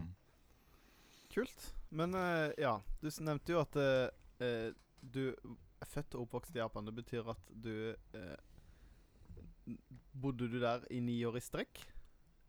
Så å si. Jeg var i Norge da jeg var to år gammel, men det husker jeg ikke. Så mine første minner er jo fra gutterommet i KB i Japan. Da var jeg sånn tre år gammel. Og noe av det tidligste jeg husker, er jo da gaming-relatert. For mm, yeah. i eh, Japan så hadde vi faktisk en Famicom. En eh, japansk Nintendo Entertainment System, om du vil. Og da er det særlig to spillserier som eh, jeg har særlig gode minner til. Det er jo da Super Mario, naturlig nok. Eh, men så er det òg da Megamann-spillene, uh, som jeg òg har et sånn veldig kjært forhold til fra barndommen. Og jeg fikk lov å spille fra ganske tidlig av, så langt jeg vet. Og noe av det gøyeste jeg visste, det var å ha énspillerkontrollen. Og mine søsken hadde da tospillerkontrollen, og mens de da spilte Super Mario, så brukte jeg pauseknappen på énspillerkontrollen. For på Famicom så er det bare énspilleren som kan trykke på pause. Og på liksom helt random tidspunkt så trykker jeg på pause, og så har ting som Nei, jeg må bare klø meg litt. Nice. Er På japansk, da. Irrit- Nei, nei, nei, på norsk. På, med ganske Enda mer utprega misjonærbarndialekt enn det jeg har nå. Så det var bare for å plage. Som en ekte lillebror. Oh yes. Ja, det er bra. Men uh, hvorfor, hvorfor, hvorfor Japan? Hvorfor, en, hvorfor vokste du opp i Japan? Hva var, grunn, hva var dragninga dit? Jeg regner jo ikke med at foreldrene dine dro dit pga. Nintendo, akkurat. Nei, altså, det var jo av Sony. De, de hadde ja, de, de, de kunne jo kanskje ha gjort det, da. Altså, Nintendo har jo eksistert siden 1889, men det tror jeg verken mamma eller pappa vet.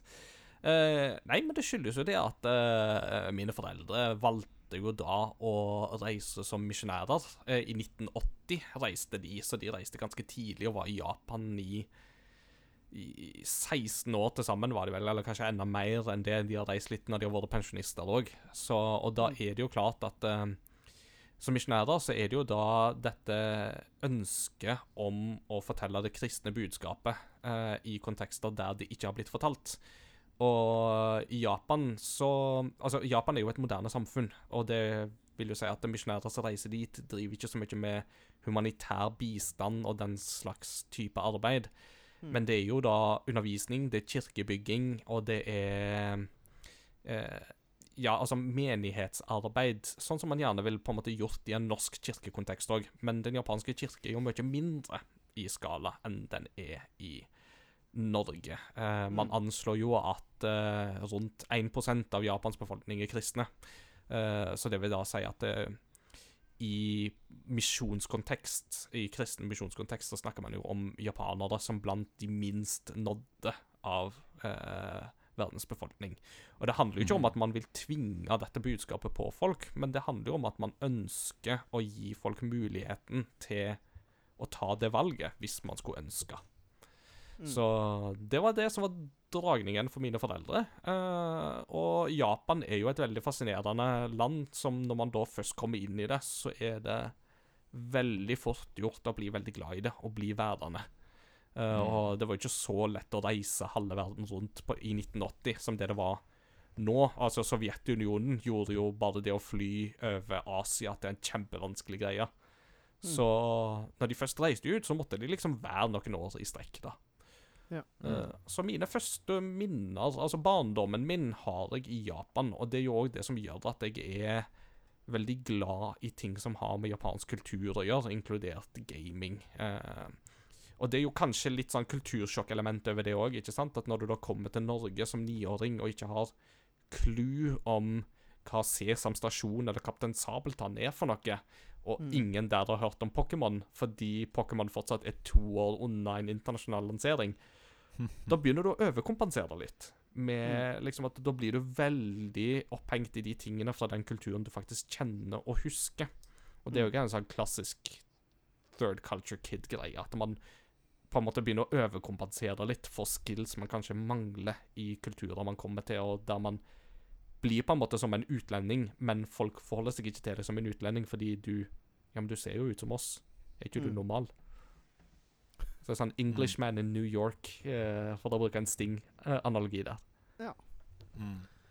Men eh, fordi at uh, det, Jeg har skrevet her, da. Hva er Hva var det beste med å vokse opp i Japan?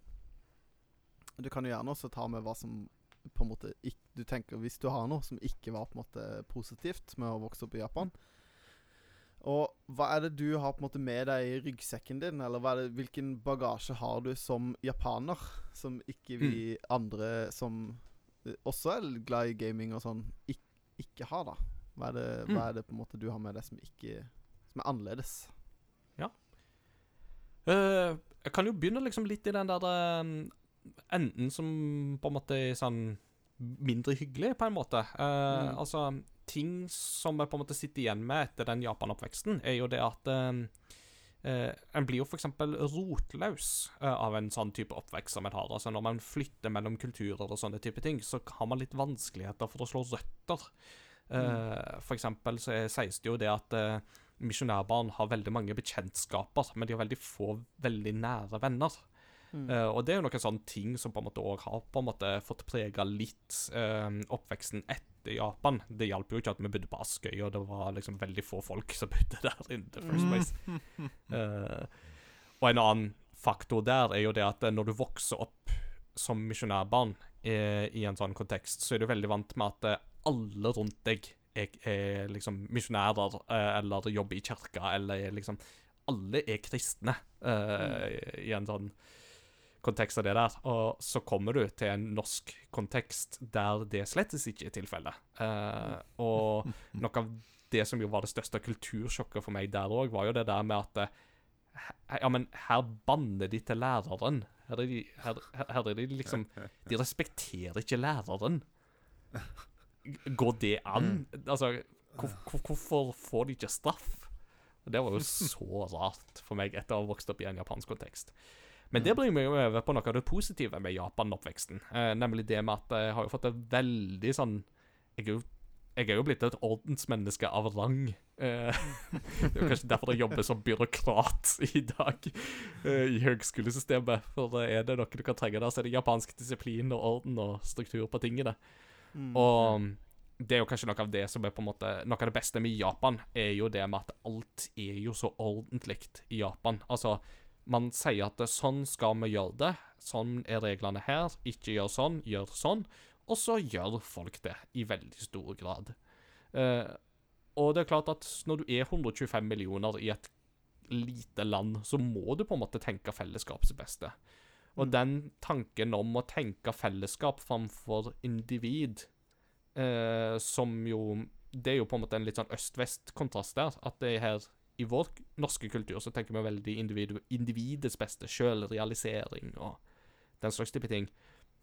Mens i Japan så er man veldig opptatt av på en måte fellesskapets gode, bidra til fellesskapet, eh, familien. eh, og selvsagt så er det negative konsekvenser med det òg, men jeg syns at um, det å ta det beste fra flere kulturer er veldig viktig, da.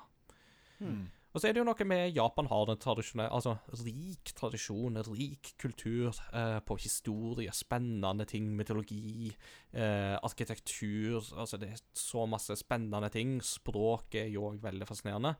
Og ikke minst er jo maten er jo helt fantastisk. Altså I Japan er det så mye god mat at Mm. Oh, Ja. yeah. Pluss én. Pluss én. Der tror jeg jeg får en pluss én fra alle Pluss sammen, en, til og med ja. de som sitter i Oh sofaen her. Yes. Ja. Oh yes. Oishi. Oi, si det, Sione. Ah. Og så har jeg òg blitt eh, veldig glad i um, Og så er jeg veldig glad i baseball. Det er en sånn Mm. japansk greie som Mm. jeg da er veldig glad i. Japansk baseball er en pasjon for meg. Og Martin savner fotball, jeg savner baseball. Mm. Ja, for det er jo en ting jeg har skrevet ned, at jeg ville spørre deg om det her med baseball. Mm.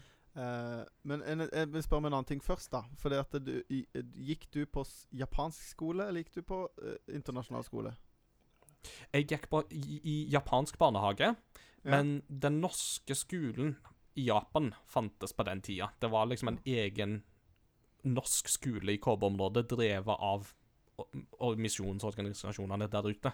Så Mm. jeg gikk mine første år i norsk skole i Japan. Mens mine søsken, som da var ferdig med ungdomsskolen, de gikk jo videre på internasjonal high school, eh, som Mm. da var rett ved sida av. Altså, det var nabotomta, basically. Ja. Mm. Men, så eh, i en alder av syv år så hadde jeg lært meg å pendle 50 minutter hver vei. eh, med tog og skifte av eh, to tog underveis. Så den her greia Det er òg en greie som jeg sliter med å skjønne. Det er det med at Hvorfor i all verden må vi kjøre unger til skolen i Norge?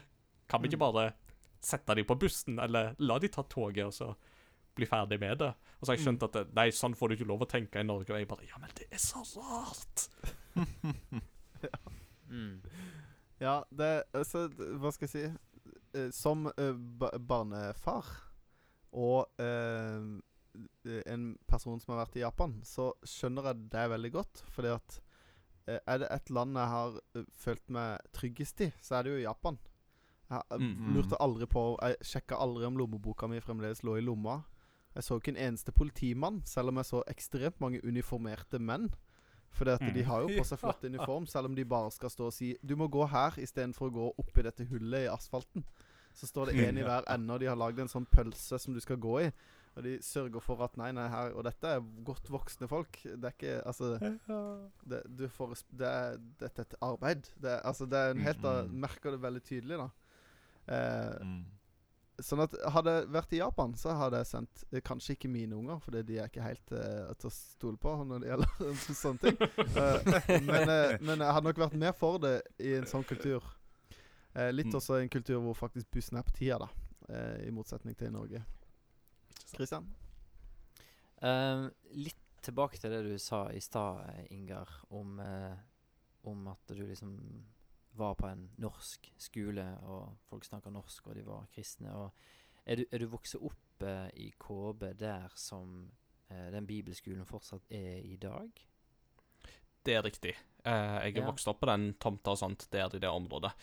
Eh, det som var greit for oss, sammenlignet med en del andre eh, Altså, jeg har jo vokst opp med misjonærbarn som har litt sånn forskjellige bakgrunner. Noen har liksom vokst opp på internat ute på tomta der. Det driver man jo ikke med nå lenger, fordi at man har jo kommet fram til at internatskole for veldig yngre barn er veldig skadelig, og det har jo vært ganske mange triste historier der Mm. opp gjennom misjonshistorien som man tok et oppgjør med for ti år siden. Eh, De opplevelsene har jo ikke jeg, heldigvis. Eh, Men det som var veldig greit, var det at eh, vi bodde i et nabolag der vi forholdt oss til våre japanske naboer og snakka japansk, brukte japansk hele tida. Vi så på japansk TV.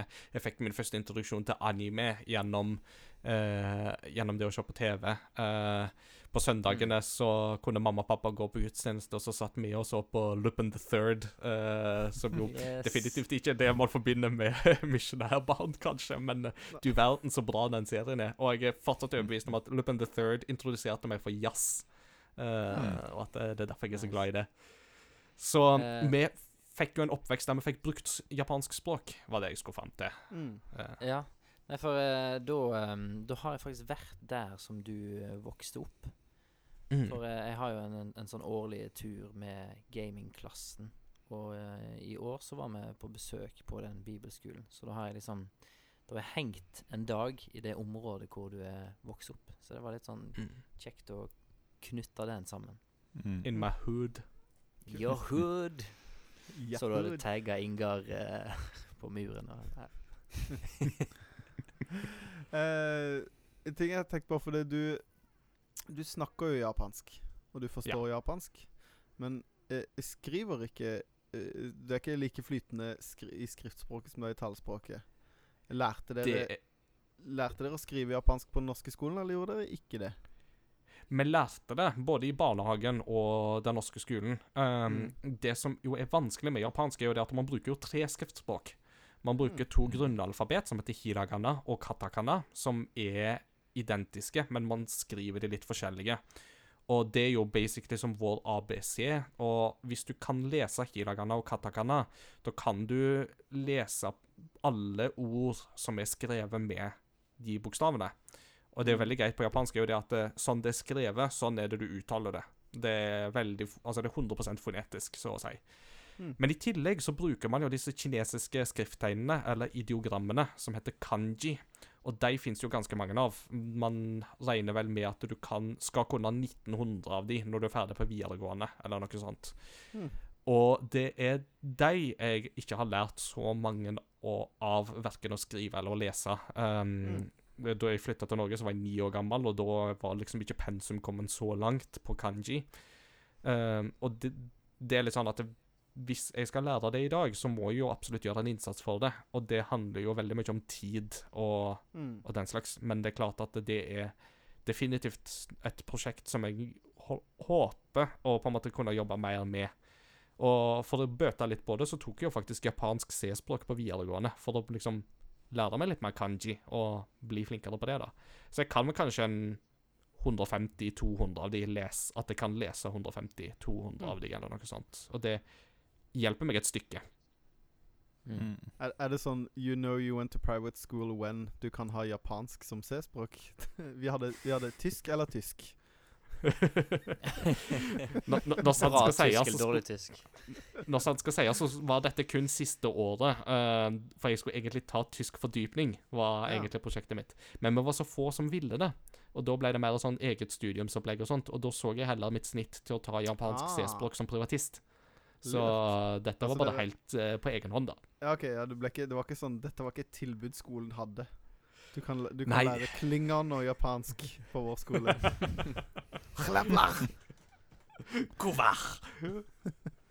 Jeg har jo hørt at man må kunne 3000 kanji for å lese en uh, avis. Mm. Og hvis du sier at uh, de som kommer ut av videregående kan 1900, så er ikke det rart at det tar tid å lære å skrive japansk, liksom. Det er jo òg en grunn til at de er så skoleflinke, for det må bruke så mye tid på skolen for å få inn hele skriftspråket. Mm.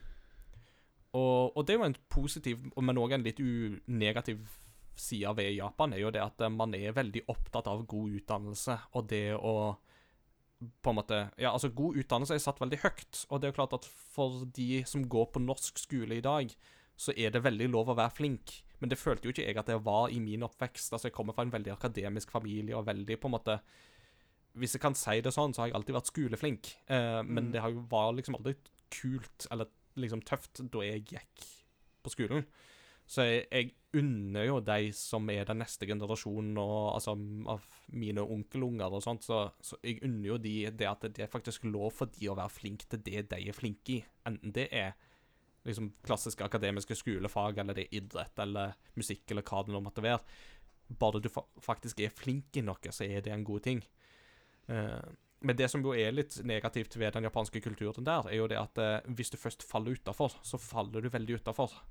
Eh, Og i løpet av min oppvekst og mitt liv generelt, så har jeg liksom jeg har sett litt av de der eksemplene på de som faller utafor, og som kanskje kunne ikke gjort det, hvis de bare hadde blitt tatt bedre vare på og fått noen arenaer å utmerke seg på. Uh, Mm. Så jeg har litt sånn omsorg for at eh, de Det skal være rom for å være helt adekvat i ting òg. Mm. Det skal Altså, god nok er godt nok. For Ja. det sånn. Mm. Høres bra ut. Nei, eh, nå har vi jo hørt eh, litt forskjellig, men eh, Mm. jeg tror egentlig vi må videre til nåtid. Eh, Mm. Du har jo sagt litt om hvor du jobber, eh, eh, og sånne ting. Eh, vi vet jo at du er lykkelig gift. Ja. Eh, nå, nå Et herrens mirakel i seg sjøl, bare det. Å, er det noe du vil Ja, ja, ja. Nei, altså Litt sånn funny greier der. Men altså Ja, grei ut. Nei, jeg skal fatte meg i korthet for ikke å putte min kone i forlegenhet. Men uh, altså jeg, jeg, da, i, studi I studietida så var jeg egentlig veldig veldig komfortabel med å være singel.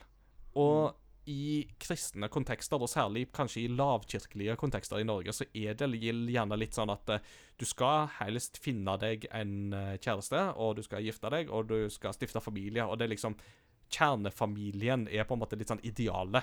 Og for veldig mange så er det litt sånn at eh, du er på en måte ikke fullkommen eller komplett før du faktisk har blitt gift. Jeg motsetter meg litt den tanken der. Jeg mener, eller jeg står veldig for det, at uh, uansett hva sivilstatus du har, så har den fordeler og ulemper. Og, og jeg var egentlig veldig veldig komfortabel med å være ungkar. Uh, Mm. Og var veldig innstilt på å være det òg. Kanskje litt fordi at jeg tenkte det at uh, med min gaminginteresse og sånt, som jeg har veldig pasjon for, så er det veldig vanskelig å finne noen i en sånn kontekst som det, som syns det er interessant. Mm. Og så plutselig en dag så var det hadde jeg noen venner på besøk, og han ene tok med seg eh, det som i dag er min kone. Og hun var den siste som ble igjen den kvelden, og vi satte klokka kvart på to og spilte Guitar Hero Metallica. Yes, Yes. meant to be! So yeah, Men det jeg- jeg bare- var The Hun, hun kom ikke som han uh, Hun kom ikke som han sin date, sant? Så det var ikke sånn at du Ja, det var Nei da, det var- gjorde. det var ikke noe den sånt eh, Nei, Den som var best i Guitar Hero, fikk henne, på en måte. Eller noe sånt. Nei, det var heller ingen sånn gitarduell eller noe sånt. Det var ikke det. Ja. Men, eh, men eh, nei, altså, jeg var jo på en måte veldig tenkt Eller jeg tenkte jo det liksom at det var sånn Du må velge gaminglivet, eller du må velge på en måte kjærlighetslivet. Og gaminglivet Mm. var veldig komfortabelt, og jeg var komfortabel med det. Så jeg var liksom sånn Jeg, jeg var ikke på jakt etter å inngå i et forhold. Og plutselig så bare skjedde det.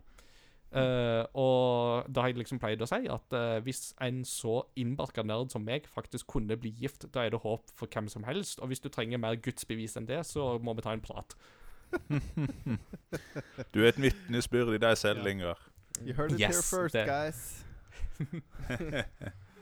Det Her kommer Inger med apologetikken og Ja. Med Nei. Ikke sant? Yes. Ja, og det, og, det, og det er jo litt sånn du snakker om nåtid, ikke sant, så er det jo Etter at jeg flytta til Oslo, så var det jo teologi som ble mitt eh, studium. Det var egentlig litt tilfeldig. Jeg tok et år med musikk først, fordi jeg hadde lyst til det. Det var litt sånn friår, men uh, hadde litt lyst til å få litt uh, Lære mer musikk, og musikkteori. Og så slo jeg meg inn på teologi for at jeg syntes det var litt gøy. Og så syntes jeg bare det var enda gøyere, så da fortsatte jeg litt til. Og så syntes jeg det var kjempegøy, så da fortsatte jeg og tok en master. Hmm. Og så, Mm. etter hvert, så fikk jeg jobb som eh, administrasjonskonsulent, som dette som fint. Eh, og jobber nå med å gi, sørge for at andre får tatt teologisk utdannelse. Og syns det er veldig fint. Så bra. Mm. mm. Ha- eh, du har jo en sånn sidegig, som det heter så fint, mm. uh, uh, som er å være spilljournalist. En ting jeg har lurt på, er Hadde du vært like tilfreds i den jobben du har, hvis du ikke hadde hatt dette på si? Eller er det, Det er fyller de hverandre litt ut? Fyller de hverandre litt ut, eller For du har jo en sånn kjempestor interesse for gaming. Og det er jo veldig naturlig å tenke at du kanskje hadde ønska å jobbe med det, noe som du gjør.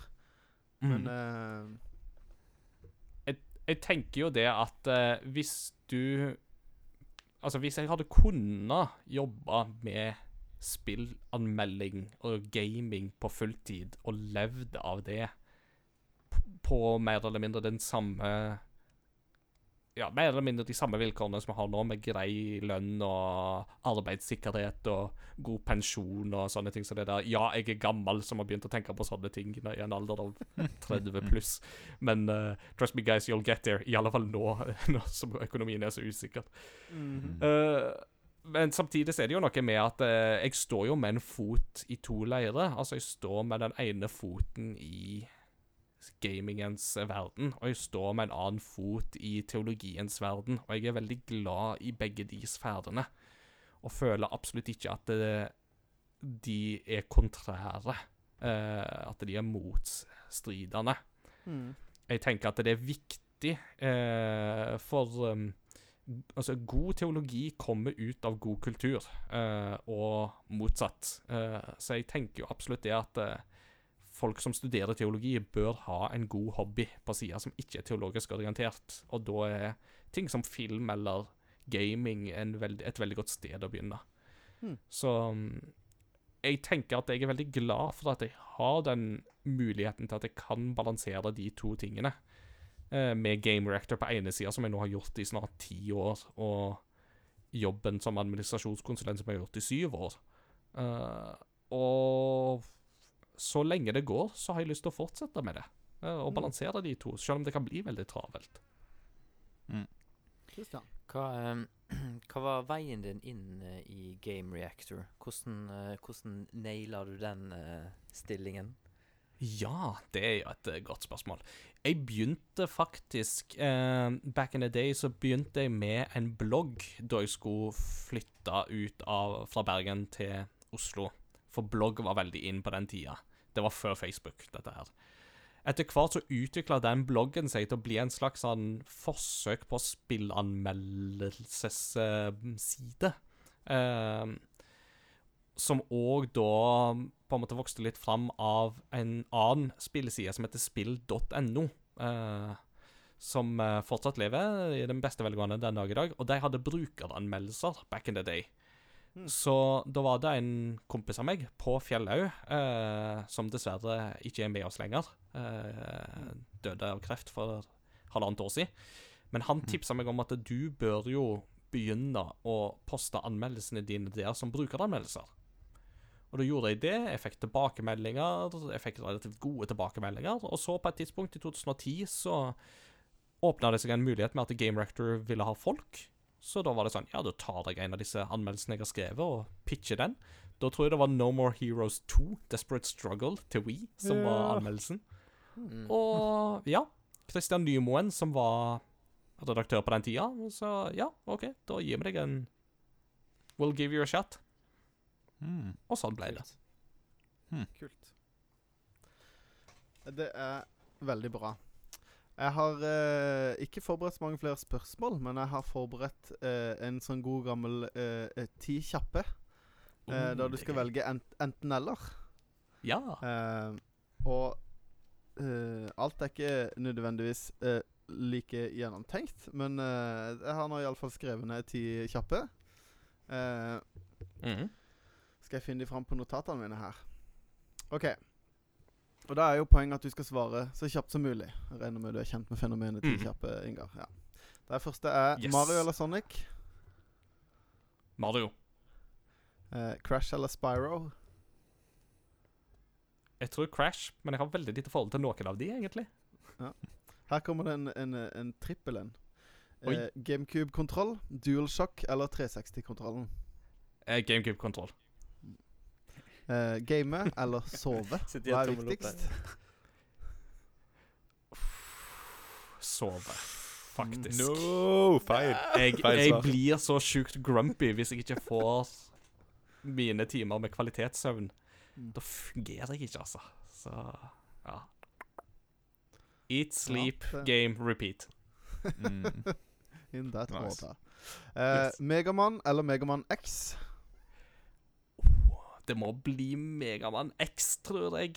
Selv om jeg vokste opp med Megaman. Men uh, naboen i Norge hadde Megaman X, og det var litt kulere.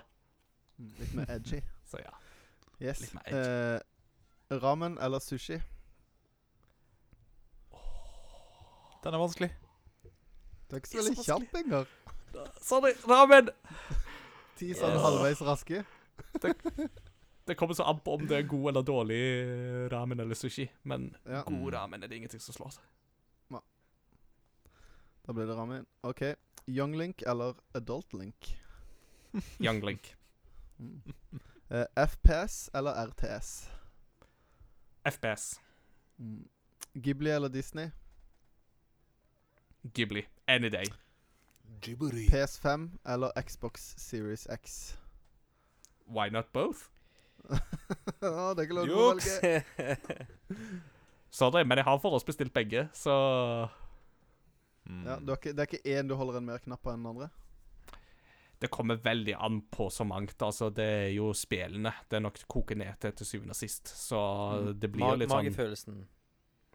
Akkurat. Magefølelsen sier nok PlayStation, fordi det er der alltid hjertet har ligget. Så ja. Yes, det Mm. var, det var de ti kjappe. Oi, det var Jeg beklager at jeg ikke var så jeg, kjapp. jeg, jeg har et spørsmål til. Uh, det er tredelt, da. Oi. Eh, Mats Jakob, Mats Jakob, Christian eller Martin? Det må bli Martin. Nei, Jeg tror jeg går og danner min egen svare- eh, lille separate podkast i stedet. Takk for meg. Du kan svare etterpå. Jeg, jeg skjønner hva du mener. ja, Jeg skjønner svaret ditt. Det, det går bra. Eller hva mener Can't pick my favorites, you know. OK, jeg har en. Um, Ja. Charmander, Squirtle eller Bulbasaur? Oi, den er gøy. Jeg begynte alltid med Bulbasaur, jeg, faktisk. Eller ofte med Bulbasaur. Så jeg syns ikke Bulbasaur og Venusaur får nok eh, cred. De er, de er gode nok som de er. Som jeg Mm. snakket om tidligere. Ad adekvate Så- starters. Ja. Så Glory to uh, Fushigidane. Mm. Eller Bulbasaur. Nydelig. Kult. All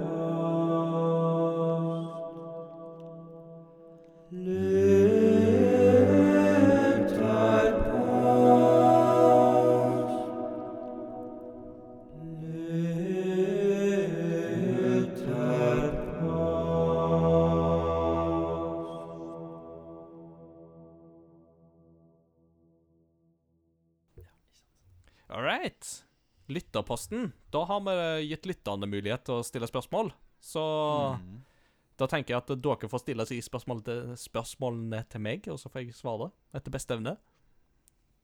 Ja, Det synes jeg du og jeg kan begynne her. um, Er det noen på Discord som har skrevet? Xelia Lith. Mm. Eh, her er det egentlig tre spørsmål som kan ta litt lang tid å svare på, da, så du kan velge ett, tror jeg. Spørsmål 1. hva er din favorittanime, og hvorfor? Nummer 2. hvem er din favorittkarakter fra en bok? Nummer 3. hva liker du best med Japan? Mm. Uh, Favorittanime uh, må jeg nok si er Cowboy Bebop fra 1998. Oh. For meg så er det er fortsatt fin. ingen anime som har overgått den. Det er 26 helt perfekt sammenskrudde episoder som blander sci-fi western med et fan tidenes mest fantastiske soundtrack av The Seatbelts og Yoko Kanno. Som Ja, der har du jo helt òg magisk. japansk jazz på sitt beste, så det Mm. liker jo du. Ja, ja, ja. Så det er Rupan the Third leder meg til Cowboy Bebop, som deretter Mm. leder meg videre til Firefly. Så ja, så det er nok eh, absolutt noe der.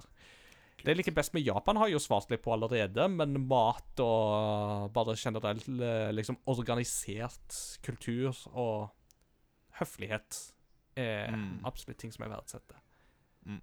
Favorittrollefigur for en bok syns jeg er veldig vanskelig å si. Um, det er mange en kunne velge mellom der, altså. Så den må jeg nesten, nesten si pass på. Ja, jeg skulle til å si sånn. Gollum. Why does it cry, Smeagol? Cruel man hurts us, master twixt us. Ja, Det er ganske bra eh, Bra imitasjon. det var da et lydklipp vi henta fra YouTube. Ja. No. Jeg har flikklampen, du har ingenting. Eh, jo, favorittrollefigur for bok tror jeg må være Marvin the Paranoid Android fra The Hitchhiker's Guide to the Galaxy. Å, fantastisk bok. Som jo i Bøker. filmen, som jo er litt omdiskutert Denne har sine gode sider, den har sine dårlige sider, men det fantastiske i filmen er jo Alan Rickman. Altså Snape, eller uh, Hans Gruber. Som stemmen som en manisk depressiv robot, og det var helt, helt fantastisk. Er helt- Så ja, jeg tror jeg må si Marvin the Paranoid Android. En robot som er så deprimert at han får andre roboter til å ta selvmord når han diskuterer sitt perspektiv på livet med dem. Og en crazy bok. Krutt. Yes. All right. Yes, kan jeg ta neste? Vi må jo Ja, du kan ta neste. Ja, jeg bare kom på en Det passer litt inn med det her. Eh, Nikolai spør Hvem er din yndlingsforfatter? Jeg har jo en mist, sterk mistanke, men eh, Ja, det blir jo todelt, dette her, da. Eh, masteren min på teologistudiet skrev jeg jo da ehm, Nå ble jeg litt distrahert av Christian her, eh, så sa de. Men eh, favorittforfatter er jo todelt mellom Tolkien på ene sida og CS Lewis på den andre sida. Eh, Og de to var jo de jeg skrev masteravhandlingen min om òg, der jeg sammenligna litt deres eh, skriverier uh, ut ifra hvor de sto i det kirketeologiske landskapet. Eh, Tolkien var jo katolikk på sin hals, mens Louis gikk jo fra å være eh, nordirsk protestant til ateist til høyanglikaner med katolske tendenser. Det var litt eh, kirketeologi, litt eh, kjedelig kanskje for noen, men eh, jo. Tolkien og C.S. Lewis, to forfattere som har virkelig forma meg så til de grader. Men jeg må òg trekke inn Umberto Eco, forfatteren bak 'Rosens navn' og 'Forkolds pendel', for å nevne noen bøker. Fantastisk forfatter som bare helt uh, magisk å lese. Og 'Rosens navn' var en av bøkene som faktisk inspirerte meg til å begynne på teologi, for da så jeg hvor spennende kirkehistorie kan være. Mm. kult. Kult. Uh, vi må jo innom eh, Åsmunds hjørne. Åsmunds hjørne. Åsmund han skuffer aldri. Han kommer med spørsmål i dag òg. Og uh, Eller denne gangen er det spørsmål. Og han spør da Han har to spørsmål.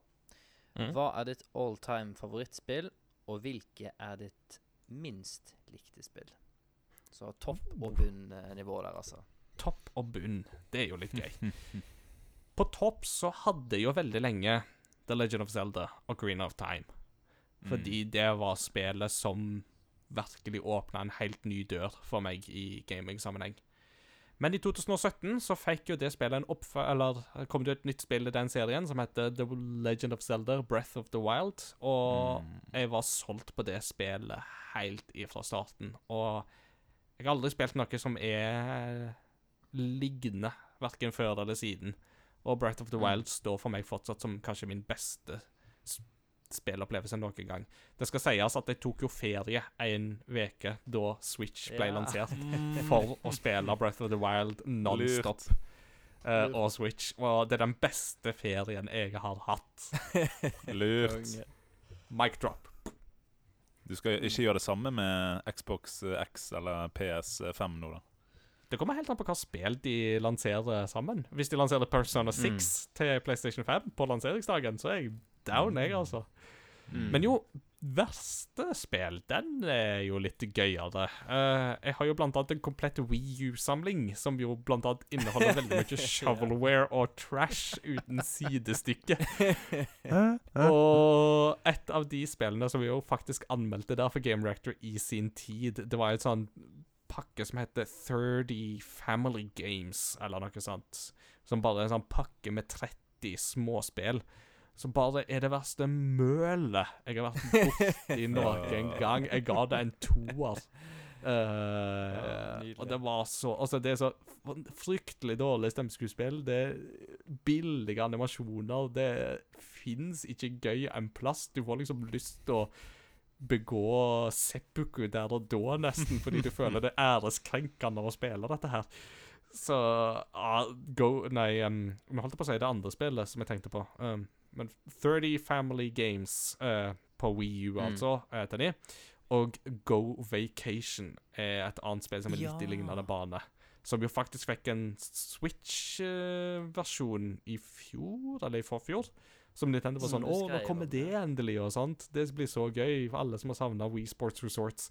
Dette er ikke Wii Sports Resort en plass. Det er, åh, det er så dårlig.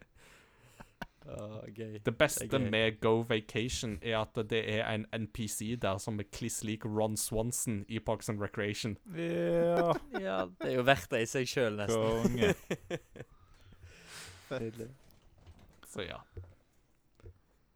Sweet. Jeg kan ta et kjapt fra tidligere nevnte Godspark, som var med Ja. på streamen her.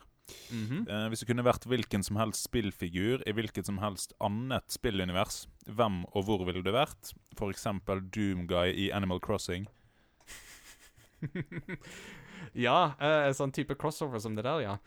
Jeg, jeg hadde et sånt konsept da jeg gikk på barneskolen, som jeg eh, prøvde å liksom utvikle som jeg syntes var veldig gøy. Og det var rett og slett at jeg tok kartet i Ocarina of Time og utvida litt Hyrule-kartet der, og satte Pokémon inn på de forskjellige Ja. plassene. Ja. Uh, og det er et sånt konsept som jeg fortsatt tenker hadde vært veldig veldig gøy. Hatt liksom spøkelses-Pokémon i Graveyard utenfor Kakariko Village. At du hadde hatt Ground-Pokémon eller Electric-Pokémon i Gerudo Valley. Uh, så jeg er fortsatt veldig keen på den crossoveren der, egentlig. Uh, et veldig sånn tredimensjonalt, åpent Pokémon-spill. Enda mer enn det eh, Sword and Shield er. Satt Ja, ja, til en sånn Hyrule-lignende verden. Kanskje til og med da Hyrule. Og da type Konge. løse gåter og kanskje slåss imot bosser og sånt med Pokémon, da. De nærmer seg jo litt med Sword and Shield. eh, Bare sett på en grønn lue, så begynner vi å nærme oss. altså. Mm. Du er absolutt på vei, så det blir spennende å se hvor de tar det videre. Jeg syns de kan være på en måte enda mer dristige med Pokémon-formelen videre, men jeg syns de gjør noen riktige grep med Sword and Shield, da. Så det er gøy. Mm. Fett. Um, jeg har et spørsmål her som jeg tror uh, ikke denne personen er som har lurt på, men Kumlesopp skriver En ting jeg har lurt på en stund. Hvorfor akkurat Takanobu? Ja. Hvorfor akkurat Takanobu? Ja. Jeg tok mitt japanske mellomnavn da jeg var Det var første året i studietida, så da var jeg vel 19. Det er jo veldig lett å skifte navn i Norge, eller uh, Mm. legge til navn og sånt. Og jeg hadde veldig lyst til å legge til et japansk mellomnavn for å understreke betydningen Japan har for meg. Uh, det høres uh, veldig sånn oh, I have a Japanese soul Men det, er så, jeg tror folk skjønner at det er ikke der vi er nå. Nei. Eh, Takanobu var et navn jeg landa på til slutt, rett og slett fordi det kan settes sammen til å bety noe sånt som høy tro. Uh, at man tar uh, skrifttegnet for høy, motsatt av lav, og tegnet for tro, altså det å ha Ja, altså det, det som gjerne knyttes til på en måte hellighet og tro. For på japansk så snakker man ikke om sterk eller svak tro, da snakker man om høy og lav tro. Eh, og at det ble da et navn for etterfølgelse, som jeg karakteriserte det selv som. Det var ikke et navn som liksom nødvendigvis skulle beskrive meg som person, men kanskje et navn jeg kunne forsøke å leve opp til. Det skal jo sies at Navnet Ingar betyr jo fra norrønt av stridsmann, og jeg er jo veldig langt ifra å være en stridsmann, så det er jo klart at eh, et navn indikerer ikke alltid hvem du er, men det kan jo indikere noe om hva du ønsker å være som person. Mm. Eh, Kult. så derfor landa det på Takanobu. Godt forklart. Mm. Jeg deler òg Eh. da navn der, altså med Takanobu Okabe, som er en god gammel japansk skihopper. Mm. Kult. Du Hoppe etter Takanobu. Rett og slett. Eh, Skal vi ta et uh, siste spørsmål her? OK. Mm. Eh, det er da uh, Harest slash Brult som spør Hva er favorittspillet ditt du ikke har lyst til å innrømme at du liker? Altså guilty pleasure. Mm. Ah, godt spørsmål. Assassin's Creed Odyssey. Uh, Never nei, gets altså- old, that's it. Yeah, never gets old. Nei, jo da. It gets old. It gets old. We get it. It gets old. Altså. Guilty pleasures syns jeg er et litt sånn interessant konsept, fordi jeg er veldig opptatt av å på en måte Du skal på en måte eie litt det du liker her i livet. Så du trenger egentlig Mm. ikke å skamme deg for ting du liker. Uh, og det handler jo kanskje òg litt om at jeg er på en måte jeg, Altså, jeg er veldig stolt av å være nerd. Jeg er veldig stolt av å være gamer. Jeg syns ikke det er noe å legge skjul på uh, og være flau over. Det er ikke alle anledninger til å trekke det fram, f.eks. Men det er en forskjell på det og å på en måte være flau over det. Så Mm. jeg har litt den samme holdninga med tanke på gaming òg, at det er egentlig ikke sånn at jeg er så veldig flau av spill jeg spiller, eller at det er ting som jeg ser på som på en måte guilty pleasures. Men jeg hadde kanskje litt den tanken om Harvest Moon-spillene på et tidspunkt. Men det var før Harvest Moon fikk den liksom revitaliseringa vi har sett med Stardew Valley og Story of Season-spillene og Animal Crossing. Nå er jo guilty pleasure til 1000, så folk ikke er guilty for det i det hele tatt, liksom. Mm. Så um, jeg tror det nærmeste vi kanskje kommer, det er Harvest Moon-spillene. Um, og så Ja. Jeg tenker at det, det får bli svaret. Eh, Jeg har ikke Mm. noe bedre svar å komme med der, faktisk. Det var fint. Du har ikke en sånn hardcore Just Dance-matte under sengen som du tar fram hver dag? Nei, eh, det har vært lite av det, altså. Det nærmeste jeg kommer, er liksom Dance Dance Revolution. eh, var jo veldig Ja. gøy å spille på Arkade i sin tid, og har jo hatt noen runder med WeFit og Ring Fit Adventure og sånne ting, liksom. Men igjen, ingenting jeg liksom er flau over. Så Nei, nei. ja. Det er viktig å holde seg i form òg. Yes. ja. Mm. Du er, ikke- du er ikke som gamingpresten som gikk ned i karakter for å spille dansespill. Nei da, jeg, var ikke, jeg, var ikke, jeg var ikke på det nivået, så shout-out til gamingpresten! Ja, shout-out, virkelig. Det var helt uh, deilig historie. Nei. Ehm, viktig med gaming, viktig med god underholdning og sånt, men eh, duty comes first. Så Mm. skole og arbeid, det er det viktigste. For dette er en Hebereke pachinko-kontroller til Super Nintendo. It's curiosity. What are you gonna show to me? It's curiosity. What a neat thing to know. It's curiosity. What are you gonna show to me? I haven't even heard of it. What a neat thing to know. It's a great part of the show.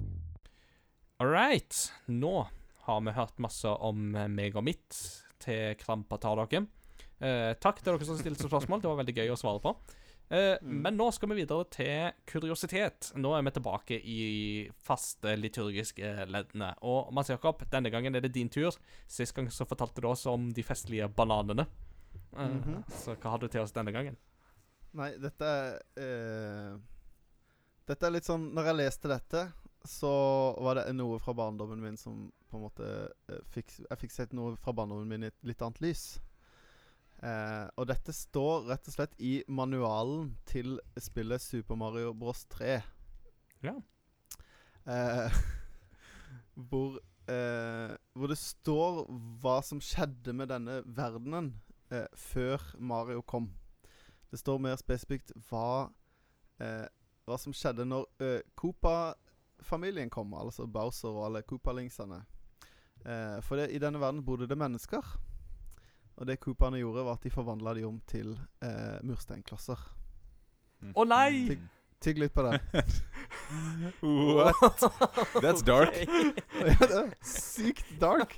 Det er sånn Tenk på det Tenk så mange ganger du har bare sendt et, et Cooper-skall inn for å knuse. Det er massemord! Det var helt sinnssykt. Miyamoto. Miyamoto-san. Miyamoto Ja, bare coins og Miyamoto sama hidoi desu. Men, altså, men hva, hva gir da soppen til, da, på en måte? Ja, liksom the Mm. soul of uh, Sikkert små barn. Mm. Nei, det er vel det som sender deg inn i psykotisk raseri, som begynner gjør at du faktisk tar livet av disse mursteinene. Altså, altså, men når jeg leste det, så var jeg bare sånn What?! Det er så sykt dark. Ja, det er blitt sånn derre Det er så unødvendig å informere om. Små barn Yeah! What? du kan ikke spille Mario med god samvittighet nå. Ja. This changes everything. ja. Altså, Mario og Doomguy har veldig mye til felles. Mm. Mm. Der er det bare Rip and tear. Ja, Mm. virkelig. Jump and scare. Yes. Takk for meg. Det var det jeg hadde å by på. Ikke noe doprelatert i dag, men Nei. Takk, da får jeg sikkert na en mareritt om uh, å drepe mennesker, Mario. Eh, takk for det, Mats Jakob. Men jeg tenkte på det, lurer på om liksom Egentlig det var liksom Det Cooperne ville, var at Mario skulle komme langt og bare knuse så mye klosser som mulig. Mario Mm. egentlig bare plot twist på slutten. Han er egentlig bare et våpen for å utrydde Ja. menneskeheten fra, det, fra Mushroom Kingdom. Men de burde sagt det helt på slutten. av Do you know all along you have been Altså Litt sånn, litt sånn som det er i Metroid. Når du klarer å spille på så og så kort tid, så får du vite at så går drakta av Samus, så får du vite at Samus er en dame. Mm. Mm. Eh, eh, Mm. At det er som Hvis du har klart å knuse alle klossene, så er det bare sånn By the way, did you know those blacks were humans? Åh. Batra! She turned me into mute.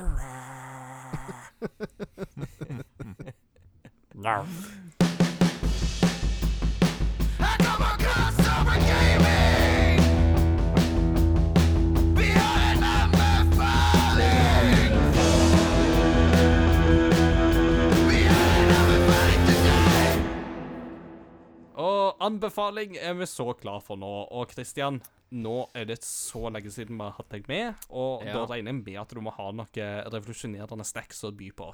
Så Ja, altså eh, Det jeg skal ha fått æren av å anbefale i dag, er ikke noe digitalt. Eh, det er noe som du kan fortære. Og det er noe som jeg har eh, lært av min kone. Og det er noe som jeg har servert til deg før, Martin. Og det er altså Ja. Fra Mushroom Kingdom. Det er altså da en Assassin's Odyssey Odyssey eh, Kake. Eh, Nei da. Det det er snakk om her, er faktisk eh, så revolusjonerende som frosne druer. Oi. Ja. Og eh, jeg eh, serverte det her til et eh, vennepar Mm. eh, som var på besøk.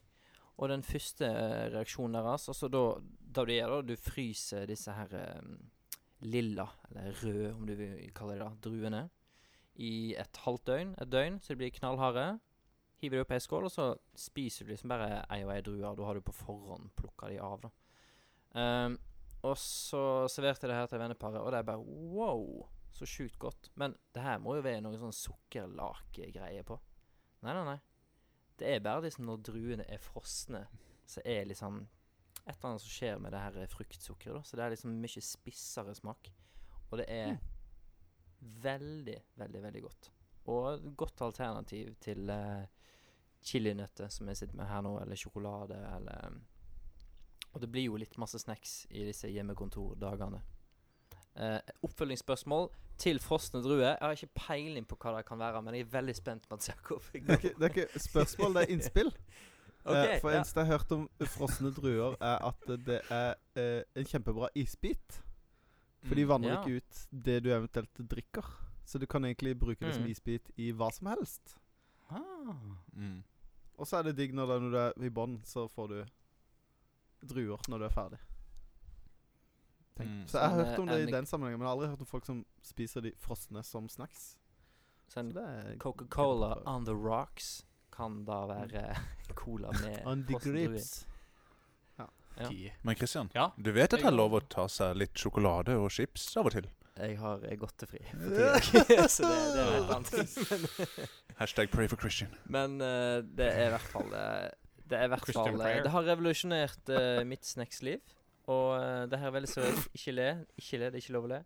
Og Ikke det. og og eh, ikke Den går altså. akkurat på den for å si det sånn. Den er akkurat Det- Ja, det er virkelig akkurat innafor. Men uh, til, til neste gang jeg er med, så håper jeg at alle har prøvd det en gang. Mm. Mm. Du har jo servert det til meg en gang jeg var hos deg i Sagbruket. Ja, det og jeg opp. også, Da ja. serverte du. Og jeg kan bekrefte at dette er faktisk overraskende godt. Jeg var veldig sånn Hæ, går det an? Men eh, så tok jeg en bit og fant jo umiddelbart ut at dette er fantastisk. Mm. Mm. Så ja. Kjempegod anbefaling. Yes. Du skal få lov å fortsette litt, Christian, for nå skal vi begynne å runde av episoden, og da går vi til postludiet. Og da er jeg spent på om eh, du har noen vakre toner å presentere for oss i dag. Ja, det har jeg. Det blir en callback eh, både til tidligere i episoden og til en tidligere episode som eh, vi lagde om spillmusikk. Mm. Eh, I den episoden så hadde vi tre utdrag eh, vi hadde liksom funnet hver av oss, som var liksom spillmusikk som virkelig vi sjøl anså som veldig høyt oppe. Og da hadde jeg eh, den gangen eh, valgt, eh, hvis jeg husker riktig, musikk ifra Ori and the, Lab Ori and the Blind Forest. Mm. Mhm. Og så er det jo kommet en oppfølger, som vi snakket om tidligere i dag, som heter Ori and the Will of the Wisps.